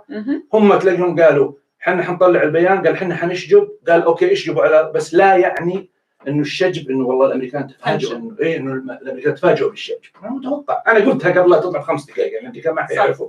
صح. طيب بدك تعلق أي شيء إضافي؟ يا يعني هذه هي الجزئية هذه. إحنا عموما كملنا ساعة الآن. أنا حاولت إني أختصر أنت فظيع. اليوم أنت فظيع آه، هل ممكن يستخدم هذا التقرير سياسيا في أمريكا؟ هذه كلمته الرئيسيه هذا العنوان العريض. للتقرير هي آه، وسيلة للاستخدام السياسي الأمريكي في. تعاملها مع السعودية وأحد الطرق يعني أنا اسفه إذا في أسئلة يعني شايفين أنتم الشات اليوم كيف ضايع فقاعده أحاول آه، يعني آخذ الأسئلة بس في ناس كثير تبلكوا ف... فضايعه شوية في وسط الأسئلة ابدي من الأول عندك أنت أي تعليق آخر أو نقطة آخر أخرى بتناقشها؟ لا حقيقة تركيا موقف تركيا الآن أنا موقف تركيا أحس إنه يعني حقيقة يعني أحس إنهم حاطين رجل على رجل. زي ما أنا جالس الآن يا يعني و- ما بكون أردوغان عرفت يعني حاطين رجل على رجل وقاعد يتحقق لهم بعضا مما يريدون دون أن يتورطوا. في آه، مواجهة صريحة. مع آه، يعني المستفيدين من هذه العملية ما في شك إنها على مستوى المنطقة كل الدول الفاعلة آه، كبيرها وصغيرها لأنه دائما الاستهداف الخاص بأضعاف السعودية دائما في من من يبحث ويعني بالنسبة له هذا يعتبر إنجاز. هذا لا يعني إنه يعني السعودية بالضرورة هي آه، آه، فقط من يجب أن آه، يلعب في هذه المنطقة أو أو يكون مسيطر، لا هي العملية السياسية فيها أخذ وعطاء وكل واحد يحاول يعني يفرد عضلاته. لكن نعم في مستفيدين تركيا منهم وإيران منهم وما في شك بعض الدول القريبة مننا في الشرق والجنوب مستفيدة أما غير تحديد اسماء لكن يمكن الجميع يعرفون كل دولة السعودية كل ما ضعفت السعودية ونرجع نقول إحنا اليوم الموقف الأمريكي يعمل على عدد أضعاف السعودية لكنه مما نقرأ يحاول أن يضعف قيادات ولي العهد على اعتبار إنه هو آه، من يسير آه، كثير من ملفات هذه البلد لأغراض خاصة خاصة فيهم لكن آه، هذا ما في شك حيؤثر. إذا تراكم وإذا استمر حيضعف السعودية. هل تتوقع رده فعل دولية الآن من أوروبا والاخر؟ أعتقد أكثر أتصور أنا إنه أكثر الدول الدول تحاول إنها تتجنب التعليق على هذا الأمر باعتباره شأن استخباراتي أمريكي مع السعودية لأنه ما لم تكون في دول معينة أصلا مساءله يعني زي كندا مثلا مم. يعني كندا آه، ترودو أتصور ممكن يعلق على الموضوع وماكرون ماكرون أحس إنه ممكن يتحفظ ونفس الشيء جونسون أعتقد يتحفظ وباقي آه، وباقي الدول أتصور إنها أنا أحس إنهم لا حنسمع بيانات أنا أو تعليق خفيف. ما أعتقد انه الصحفيين تعرف انك ما يرحمهم. الا ما يرموا لهم السؤال. يعني ممكن ممكن تعليقهم يكون ميسن يقول لك إنه جريمه اغتيال خاشقجي كانت جريمة سيئة وكذا كذا يكتفون بهذا القدر. بس إنه يعلقون على اتهام السي اي اي للأمير محمد بن هو كذا إنه إنه حناخذ إحنا مثلا مواقف من الأمير محمد وكذا. أنا أتصور إنه يعني اولا الدول هذه غير ملزمة أنها تأخذ بأي تقرير استخبارات لدولة أجنبية. يعني ما لم يكون هو التقرير صادر من أجهزتهم هم آه، ما ما هم ملزمين فيه. فيعني أنا أتصور إنه الأمر حساس جدا جدا جدا. إلا في حالة إنه الأمريكان طيب إلا في حالة إنه الأمريكان يبدون يعني في مرحلة لاحقة يشوفون إنه قد يكون في السعودية نوع من على قولتهم التحدي. فيبدون يحركون يعني هذه الدول الأكبر للضغط. زي ما الآن قاعدة مثلا أمريكا تسوي في مسألة آه، الاتفاق النووي مع إيران تعرف إنه هي ما تقدر تأخذ اللي تبغى من إيران ما لم يكون الأوروبيين معاهم. في ناس تسأل إنه ليش آه، مركزين مع السعودية سايبين مصر؟ في ناس تعتقد إنه لا راح آه، يجي الدور على مصر بس بنخلص أول من السعودية وفي ناس تقول لا هذا هذا العصا اللي من العصا الباقيين تشتغل ممكن يعني أنا أنا أتصور إنه هذا برضه ممكن يكون يكون سبب. مصر أنا أتصور إنه يعني أهميتها آه، فيما يتعلق بالحالة الجيوسياسية في المنطقة آه، ليست آه، بأهمية مصر خلال سنوات، نعم مصر دولة قوية ودولة يعني لها مكانتها ولكن أهميتها ودورها خلال السنوات اللي فاتت لم تكن هي من تقود باستثناء يعني عمليات معينة مثلا فيما يتعلق بليبيا أو كذا، لكن السؤال اللي ممكن تساله إنه ليش السعودية مش الإمارات مثلا؟ أوكي؟ وأنا أقول لك لأن السعودية والإمارات كانوا يلعبون تقريبا نفس الدور. آه، فأنا أتصور إنه قد تكون لما لما السعوديه لما يكون الاستهداف في السعودية بهذا الشكل آه، الآخرين يخافون. آه، حتى الدول اللي تعتقد إنها توازي السعودية ومتقمصه دور الدول العظمى تعرف تعلم تماما داخليا انها هي ليست كالسعودية. وبالتالي إذا أمريكا شابة المشكلة وين؟ يعني؟ المشكلة في إنه بعض الدول الآن تعمل على إضعاف السعودية. من الدول اللي إحنا كنا نتكلم عنهم إنه ممكن يكونوا هم حلفاء أو كذا؟ لأنه هذه الدول إذا ضعفت السعودية هم حيبرزون. وهذه أو هذا هو الخطر ال ال أنا أعتقد القريب اللي يجب أن ننتبه له بعيدا عن التصريحات والكلام الفاضل اللي نسمعه في تويتر. إحنا خلينا نقيم التصريحات. نعم. خلينا نقيم ماذا يقول المسؤولين وماذا يقول ماذا يكتبون. مم. لما تيجي تحلل الكلام تيجي تقول إنه إحنا زي اللي يقولون بعض الدول تيجي تقول إنه إحنا والله نبعد يعني إحنا ما لم نصب بالجرب. بهالمعنى هذا على اعتبار إنه إشارة. فهذا هذه الخطورة يعني أنت لا تخاف من طيب. من من من دولة واضحة موقفها يجب أن تنتبه لأنه قد تأتي الطعنة من مكان آخر. أحد بيقول حقوق الإنسان عند الغرب مسمار الجحا. هم برضو مو مو قادرين يميزوا إنه إحنا مرينا بأربع سنوات ما كان فيها حقوق الإنسان مسمار الجحا. يعني لا تقولوا الغرب. مش كل الغرب غرب. أنا أقول آه، آه، يعني لو خلينا نقول لو ما كانت في خلال السنوات اللي فاتت يعني هذه الحالة من الأمر البعض يقول إنه والله كان لازم لأجل التغيير إنه يتم في يعني كتم أي اعتراض وإلا لن يحدث التغيير وكذا. يعني هذه وجهة نظر. لكن أنا أقول لك كل هذه التراكمات اللي صارت والقتل حق خاشقجي وكذا هذه كلها خلقت هذه الحالة وأصبحت هي نقطة الضعف. آه لأنه الآخرين اللي يتربصون فيك وحط في بالك السياسة هي سياسة التربص يعني. كل ما كنت اقوى طيب. الثاني. آه، أنتم شايفين 21 شخص عملوا لنا ديسلايك عشان يبغوا البث ما ينتشر. فكل ما يعني أنتم الآن قاعدين تتابعوا وإذا شايفين شافتكم ما شاء الله من أول البث معانا. فما حيضركم تك- تكبسوا زر ال like ويعني عشان البث هذا ينتشر وغيركم يشوفوا. أنا. أظن هذه أول مرة يجيني العدد من ال dislike للأسف الشديد. نعم بس حيجيك إن شاء الله like ات هذه. الحلقات. أتمنى. طبعا لأنه الموضوع أنتم عارفين الموضوع شوي مزعج للبعض.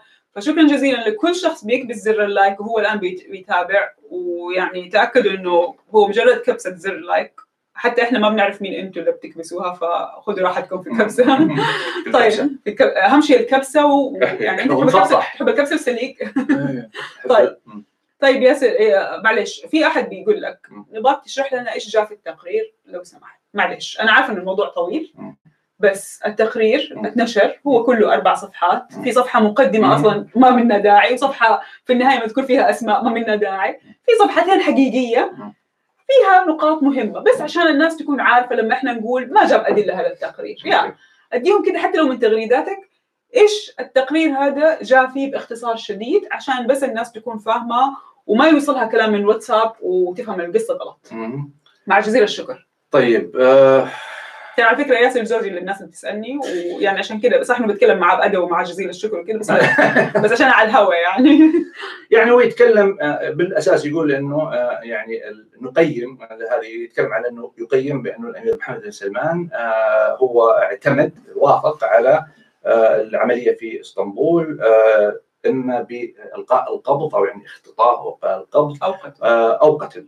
آه، تتكلم عن هذا التقييم آه، معتمد على آه، الآليات التي رصدت في قضية كيف كيف تدار البلاد وانه الأمير محمد هو كذلك يعني ماسك بالأمور وانه تورط يعني أعضاء مقربين منه مستشارين وما إلى ذلك. وكذلك وجود إنه بعدها معليش. وكذلك يتكلمون عن إنه يعني تورط كذلك آه، أجهزة آه، خاص أجهزة أمنية واستخباراتية وعسكرية مقربة آه، من من من الأمير في جهاز الحماية الخاص فيه كانوا متورطين وهذا يعطي لينك مباشر وفق وفق تقديرهم يعني وكذلك آه، يعني وجود أشخاص معينين آه، آه، كانوا يقولون آه، ثبت عليهم آه، إنهم يعني متورطين. وسبق انه قا- قال في أكثر من حالة إنه إحنا لا لا نتحرك إلا بأمر آه، الأمير وبالتالي هذه دليل إنه تورطهم كان ناتج عن وغيرها من التفاصيل ال- ال- الأخرى. وطبعا كان في آه، آه، إدانة أو إضافة لأسماء آه، التي شاركت بهذه العملية والتي يعني يتكلمون آه، آه، ساهمت مم. مشاركاتهم ب آه، بالعملية مع الإشارة إلى أنه ليس كل الأشخاص يعني مو واضح إذا كانوا كل الأشخاص. اللي شاركوا كانوا على علم مسبق بأن العملية ستنتهي بعملية آه، القتل فيعني هذه تقريبا هي الخطوط العريضة شكرا. شكرا جزيلا. وال like ات زادت والناس تكرموا علينا ولكن برضو يعني أرجوكم. اللي ما كبس زر ال like يكبسوا مع جزيل الشكر لكم. آه في سؤال يقول هو سؤال عبيط بس فعلا هو مو سؤال عبيط. آه هو نفس السؤال الأول عن الاتصال حق بايدن بس آه يقول هل تتوقع مقاطعة للمنتجات الأمريكية؟ حتى لو مو مقاطعة هل في أي علاقات اقتصادية تتوتر بعد هذا هذه هذه اللغة اللي الآن إحنا نعيشها ونشوف الخارجية ترد على أمريكا وأمريكا تطلع تقرير؟ و... هل ممكن؟ آه، يا أنا أتصور ممكن تصير في يعني عملية مقاطعة. آه الآن هل هل المقاطعة حتكون حقيقية؟ وممكن تكون شعبية من الناس مش بالضروره إيه يعني. لا ما أتصور إن الحكومة يعني حتدفع بشكل رسمي، يعني لو لو الحكومة تبغى تدخل بهذه المواجهة. عندها طريقة عندها طرق دبلوماسية أخرى في في. مسألة الضغط يعني،. لكن أنا أتصور كحراك شعبي. آه، الآن هل هو حراك شعبي أورجانيك ولا هل هو محرك هذا أمر آخر لكن ممكن تصير نعم. في أحد بيقول أمريكا اقتصاديا مو بحاجة للخليج هي ما هي بحاجة للخليج زي ما كانت في الماضي مم. نعم آه، ولكن حتى ضمن كثير من المحللين الأمريكان ينظرون ل بالنسبة بالمناسبة يعني كثير من المحللين الأمريكان هنا لما ينظرون لهذه حالة التوتر الآن لا يتحدثون مع عنها زي ما إحنا نتحدث فيه أو كثير من الناس في العالم العربي في مسألة نظام الحكم والأمور هذه اللي ممكن تصير والعلاقة. لا يعني هذه فيها إشارات لكن النقطة الرئيسية انعكاس هذا الأمر على العلاقات التجارية وعلى كونها سوق مثلا موجود مفتوح جزء من من الاستراتيجية العامة لأمريكا في المنطقة. دور السعودية في مش في مد أمريكا بالبترول ولكن في ضمان استقرار سعر البترول في العالم وبالتالي يعني ففي في أمور نعم في أمور اقتصادية آه، تلعب آه، قد لا تكون بذات الخطورة اللي كانت عليه قبل خلينا نقول 15 سنة.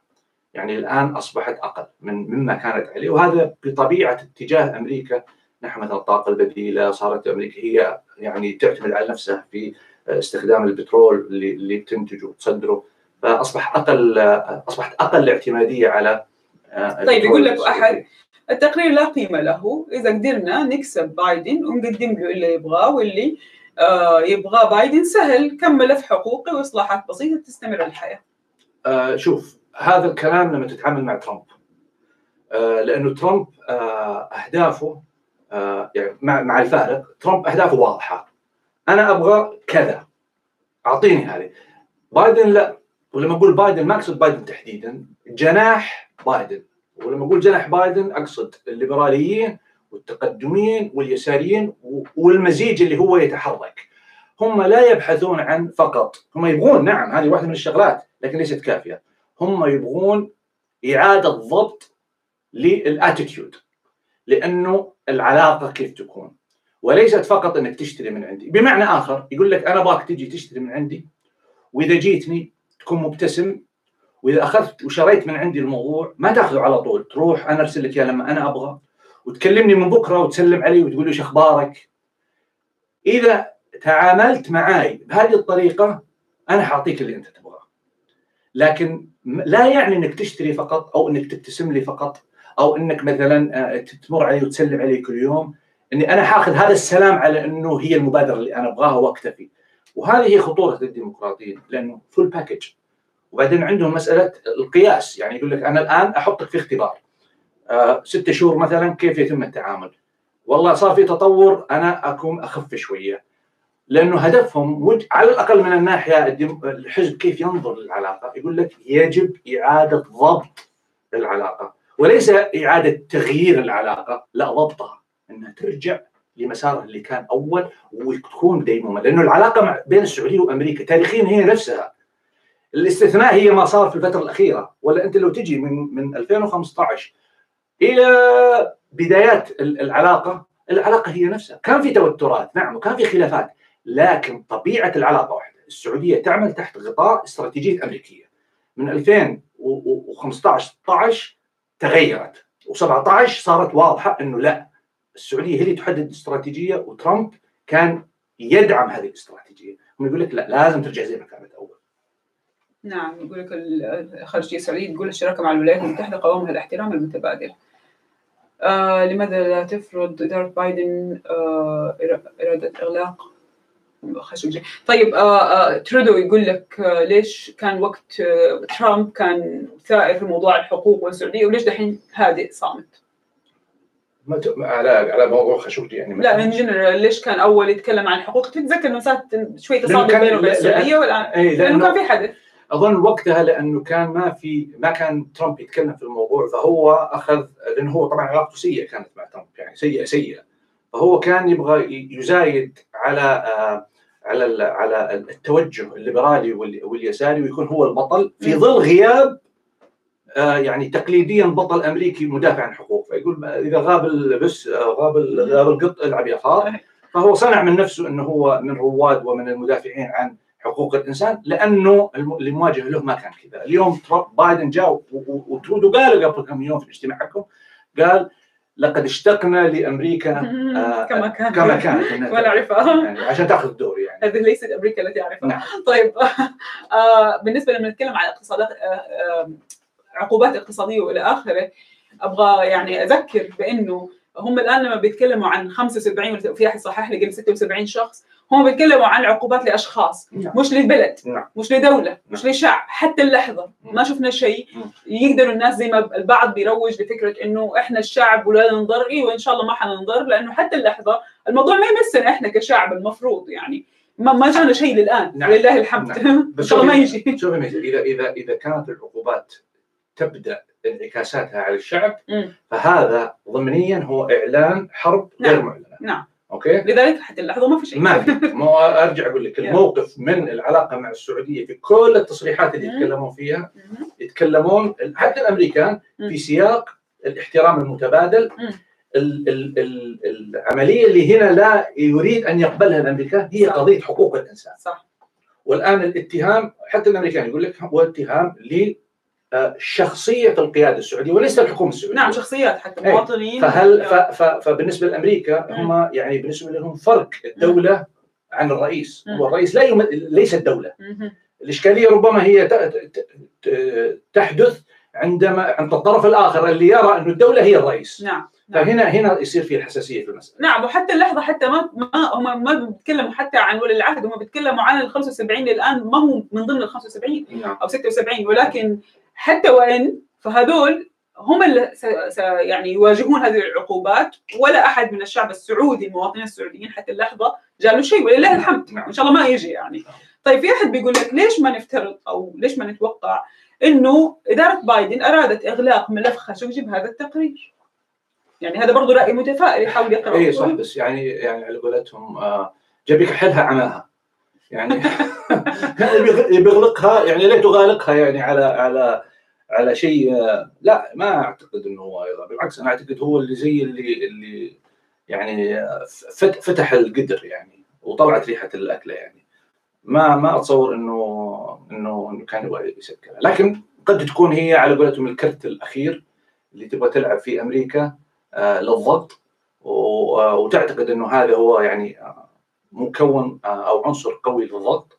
ويمكن ما عندها غيره يعني فقال خلينا نبدأ من البداية ونشوف آخرتها. طب آه، تكلمنا أول عن تركيا. لما تقول إنه الآن هي وحتى الناس قاعدة تقول عايشه في عزها وفي ناس كاتبة حتى الإمارات الآن عايشة في في عزها ومبسوطة. آه، لما نتكلم عن هذا عن تركيا خاصة أو حتى لما نتكلم عن الطيارات اللي مرت من مصر ومن الإمارات هل ممكن تتوسع الدائرة إلى يعني إحنا في أول أسبوع على فكرة ما تطرقنا هالنقطة إنه نتكلم عن الطيارات وملكية آه، الأمير محمد بن سلمان لها. وبعدين إحنا شفنا في ال- في البدايات كيف الطيارات مرت على الإمارات ومصر. تركيا آه، اللي صار فيها الجريمة قديش هي وأدتهم الوثائق قديش ساهمت في الكشف أو تحفظت أو هي طرف من أطراف الخيوط زي ما اشيع في بداية المشكلة. هل هذه الدول كمان راح تكون involved أو مشاركة في القصة؟ أنا أنا أتصور إنه اللي اللي صار الآن هي نتيجة كل ال involvement اللي صار في المرحلة اللاحقة. مم. الآن آه، يعني آه، أردوغان وال- والأتراك جالسين يجنوا ثمار مم. عمل ثلاث سنوات. مم. okay وحتى حتى اللحظة. النتائج أو خلينا نقول الموقف الأمريكي. آه، على قولتهم it couldn't be better في. البداية مم. يعني بالنسبة لهم يحقق هذا ولا بالنسبة حتى بالنسبة قلنا كل الخصوم أو. كل المنافسين مم. فكونهم هل حيلعبوا دور اضافي أنا أتصور والله أعلم وأتمنى أني أكون خاطئ ولكن بناء على رده فعل السعودية العملية وليس Yeah. التصاريح Yeah. كيف سيتم التعامل مع هذه ال- الإشكالية Yeah. وكيف يمكن للسعودية أن تخرج من هذه المعضلة مم. على مستوى السياسة الدولية مم. حتبدأ تركيا تلعب بكروتها، يعني لو شافت إن السعودية رجعت ثاني مرة تضبط أمورها حيبدون يشتغلون ثاني مره. بس العلاقات الآن السعودية التركيه أفضل من المرحلة الماضية ما له علاقة. السياسة ما لها لا، علاقة. أنا أنا أظن هذا بس كلام للإعلام وكلام يعني يعني ما ما أتصور لأنه هم طبعا يعتمدون هذا الكلام على على اعتبار إنه العلاقة سيئة. بين آه، يعني آه، بايدن وأردوغان.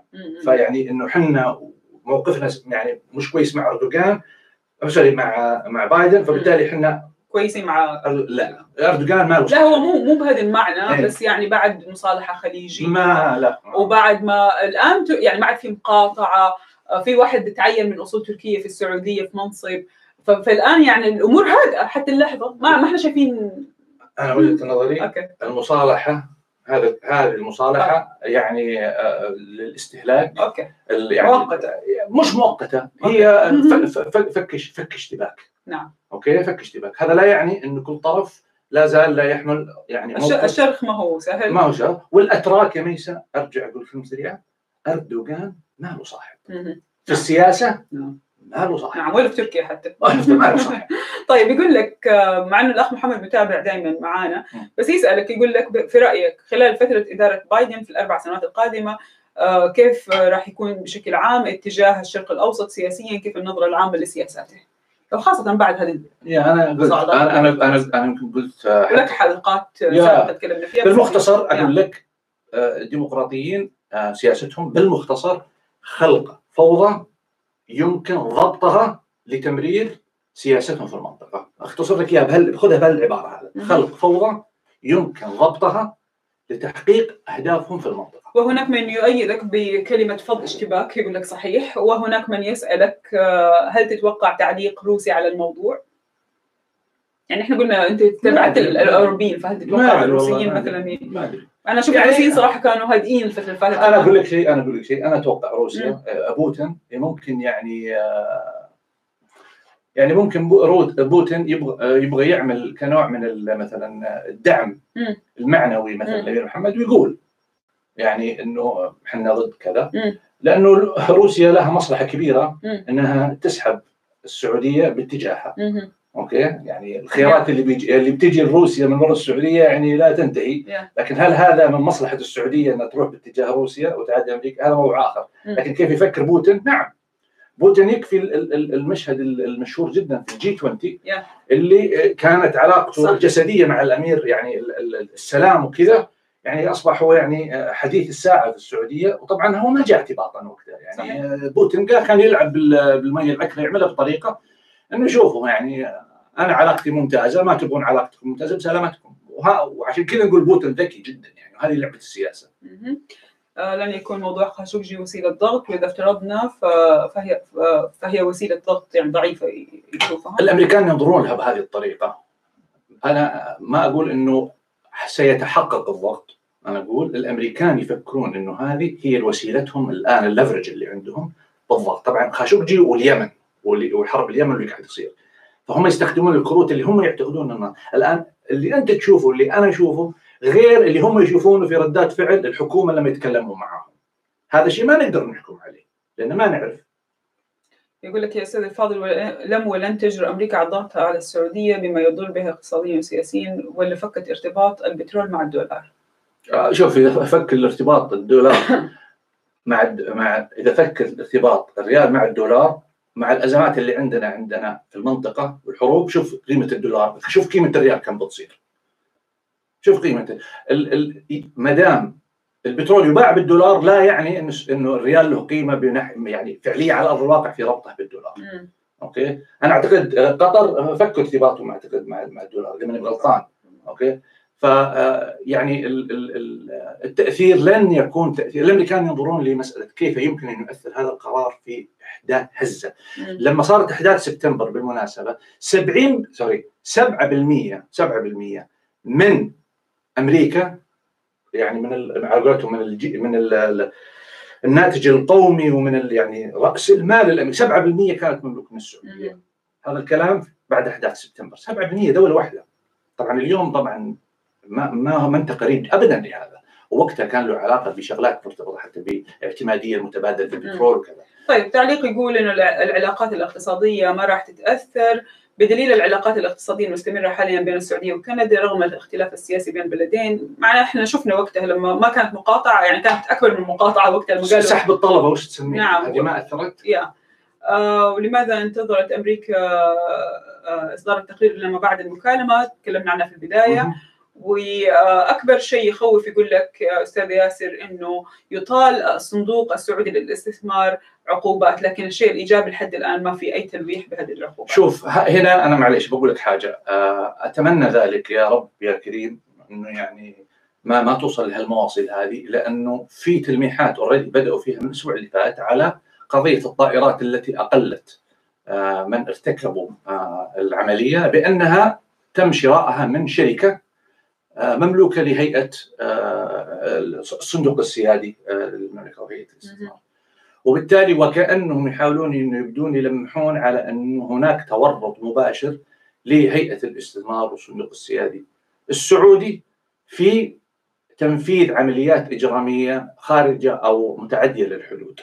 هذه يعني هي الجزئية اللي ممكن تسبب لنا حقيقة ضرر لأنه آه، اذا إذا صار في وبالنسبه والأمريكان سووها قبل كذا سووها مع كثير من الدول يعني ما هو مو إنها ما قد صارت أنا أنا أستبعد إنها تصير لكنه الأمريكان اليوم في وضع يعني من من التغول يمكن أن يستخدمون هذه ككرت ضغط إضافي.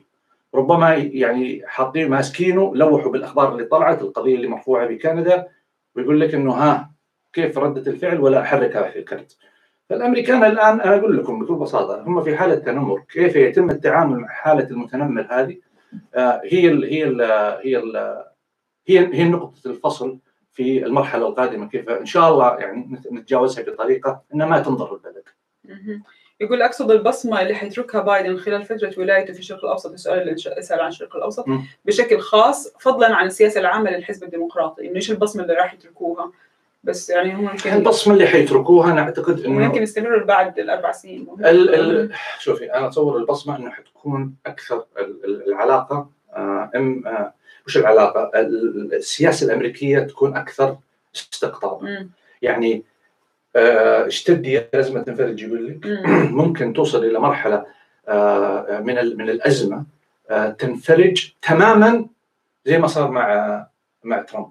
يعني إحنا اليوم نعيش نقيض مرحلة ترامب. صح؟ ترامب يعني صح. يعني آه، بول جيم على قولتهم. يعني تسوي اللي تبغى ما ما ما أقول لك شيء. الآن لا مستقعد لك حتى قبل لا تسوي شيء. فهذه هي الحالة. بعد أربع سنوات إن شاء الله ما تستمر لكن إذا استمرت على هذه الحالة ربما يرجع رئيس جمهوري يعني أفضل من ترامب. يعني حيكون حيكون يعني من ناحية أخف وطأة على الأقل. لا مو أخف يكون يعني بالجيب بمعنى الكلمة يعني. آه اسوء يعني. اي لأنه يصير الاستقطاب أكثر. يعني هذول أنتم أنتم الديمقراطيين أعداء السعودية إحنا بنصير مع السعوديين يعني طب السؤال اللي كانوا دائما يسألونه هو في الحلقات الماضية إنه وقت انتخاب بايدن إنه الاداره الديمقراطية اللي سوت الفوضى الخلاقة في المنطقة وهي سبب الثورات والإخوان وكل المصايب السوداء اللي كانت في السنة اللي راحت بالنسبة لهم مصايب.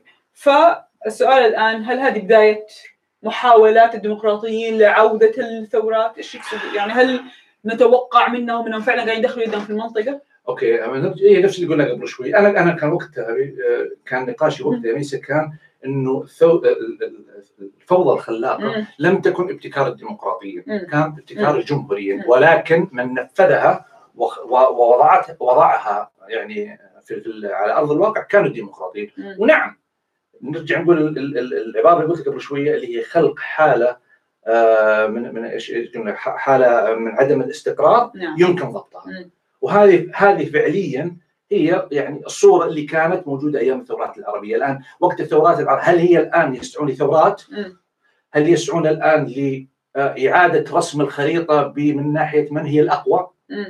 يعني ماذا لو قلنا الآن إنه الدول نعرف إحنا مثلا استراتيجيا في المنطقة من هم اللاعبين الكبار؟ ماذا لو انتهت المرحلة إنه الكبار أصبحوا غير؟ يعني لم يعني مثلا أخذت الامارات دور السعودية. Yeah. مثلا صارت الامارات هي ماخذه دور السعودية. Okay. هذه الآن ما غيرت في الأنظمة بس غيرت في اللعبة السياسية في المنطقة نعم. بالكامل. نعم. فهذا هو الآن اللي أنا أتصور قد يكون هدفهم. ليس آه، آه، إحداث التغيير في الأنظمة السياسية. م. لا. هذه خلاص صارت على قولتهم آه، المرحلة الأولى. الفصل الأول. الفصل الثاني الآن لا. إعادة رسم القوة والتمكن والتمدد والاعتمادية على مين؟ من الدول تغييرها تماما. آه يقول لك آه ساعة ونص لنا. يلا. وأنا أحاول أختصر. يا ممتاز أنت اليوم. لا لا. آه لأن دائما تقول أنت تطول تطول والحلقة تصير طويلة وهي صادقة. حختم بكم سؤال. يقول لك آه ذكرت سابقا أنه من أسباب التوتر أن السعودية لم تخبر أمريكا عن حرب اليمن. م. ألم تفعل السعودية نفس الشيء في البحرين وقصة إقفال الهاتف الشهيرة بين سعود الفيصل وهيلاري كلينتون. ما أدري عن هذه القصة أنا أنا بس ما أدري ما أدري من وين جاي صراحة طب يعني. في أحد كمان سألك قال لك إنه مو وبعدين لحظه مو الآن وق... ها. وبعدين بعدين بيني وبين حتى لو صارت حقيقة نعم سعود الفيصل يسكر في سماعه في وجه هيلاري وغيرها لسبب بسيط. هذا سعود الفيصل 40 سنة دبلوماسية. خلاص ياسر يحب سعود الفيصل مع لا لا لا. يقدر يقفل في كل لا يا ميسا لا يا ميسا أنا بتكلم عن الثقل السياسي لواحد زي سعود الفيصل اللي كان already العالم كله يشوفه لما هيلاري كلينتون كانت آه، كانت. طالبة في الجامعة. الثقل. هذا لا ليس تقليلا بشأن من أتى بعده. بس بتكلم تقليل هيلر إيش تقول من طالبة؟ لا، ماشي، ماشي. تقول لما كانت إيش ماشي لا أنا بتكلم يا ميسا على إنه هيلاري كلينتون لما تتعامل مع سعود الفيصل okay ما تتعامل مع كانها تتعامل مع نمزح وزير- ما إيه، يعرفوا ما يعرفوا اسلوبنا يعني أنا وياسر إيه. نمزح شوية يعني أرجع أقول لك سعود الفيصل يعني يبقى في النهاية شخصية الجميع كان جميل. كان يحترمها وبالتالي أقصد لو القصة الحقيقية. لا تعني شيء بقدر ما أنه هذا الرجال كان هو بس. جميل بس في والله آخر سؤال شفته أول طبعا علقنا إحنا على البيانات اللي طلعت آه، وراح نتابع الموضوع الآن. وإذا صار أي شيء هذا الأسبوع جديد راح نرجع لكم ببث ثاني إن شاء الله. آم، أنا حقيقه ما عاد أبغى أتكلم بالموضوع صراحة. لا ما- لا لا معلش الأسبوع كله قد يعني السعودية ترد بشكل وقد طيب آه أنا أعتذر نيابة عن كل ال- الذباب اللي اليوم دخلنا على ال- على هذا. ولأنه أصدقائنا الدائمين ما شفتهم كتبوا كثير إيه. بسبب الالفاظ والأشياء اللي موجودة. وأشكر جزيل الشكر كل شخص كبس زر ال like و... وحيكبس زر ال like. وحيكبس زر ال like عشان نستمر دائما معاكم في هذا البث. وينتشر والناس تشوف آه، الآراء. وأنا زي ما قلت لكم إحنا هذه مجرد آه، تحليلات أكثر من أمنيات أو آراء في النهاية سواء كنا سعوديين أو غير سعوديين. نعم. ما حد يتمنى لأي بلد في الأرض. يعني أنا الآن لما أتابع ميانمار ما أتمنى إنه والله الناس تندفن تحت الجيش إلى آخره. ف فدائما يعني أمريكا لما تشوف مواقفها مع ميانمار أنت بتتابع إيش اللي قاعد يصير في الناس أهم. شيء. فأتمنى لكم آه، إحنا عندنا weekend فأتمنى لكم أنتم كمان بكرة السبت عندكم off فأتمنى لكم يوم سعيد ومجيد وإن شاء الله الأيام القادمة تكون في أخبار جميلة أيوه أنا ودي أقول خلاص خلصنا نعم ودي أقول بس آه، أنسى دائما. نعم. اللي جداد جايين على القناة وصدفة يعني لقوا القناه أتمنى انكم تشتركوا في القناة وتشغلون إيش يقولون تفعلوا. زر التنبيهات. إحنا عندنا ال- ال- البرنامج الأسبوعي وأحيانا أنا أعمل لقاءات مع ضيوف. نتكلم برضو عن الشأن الأمريكي فيعني اللي مهتم بهذه الأمور. وأحيانا كذلك أعمل فيديوهات تثقيفية في أمور خاصة بالنظام السياسي في أمريكا وكذا. فاللي جداد اللي اوريدي موجودين الوفيين الموجودين أشكركم إنكم دائما دائما موجودين بس الجداد واللي اني يعني ممكن أقدم لهم شيء أتمنى أنكم يعني تشتركون. شكرا جزيلا. إلى اللقاء. إلى اللقاء. ولازم بعدين اضبط هذه مرة. وبعدين يلا سلام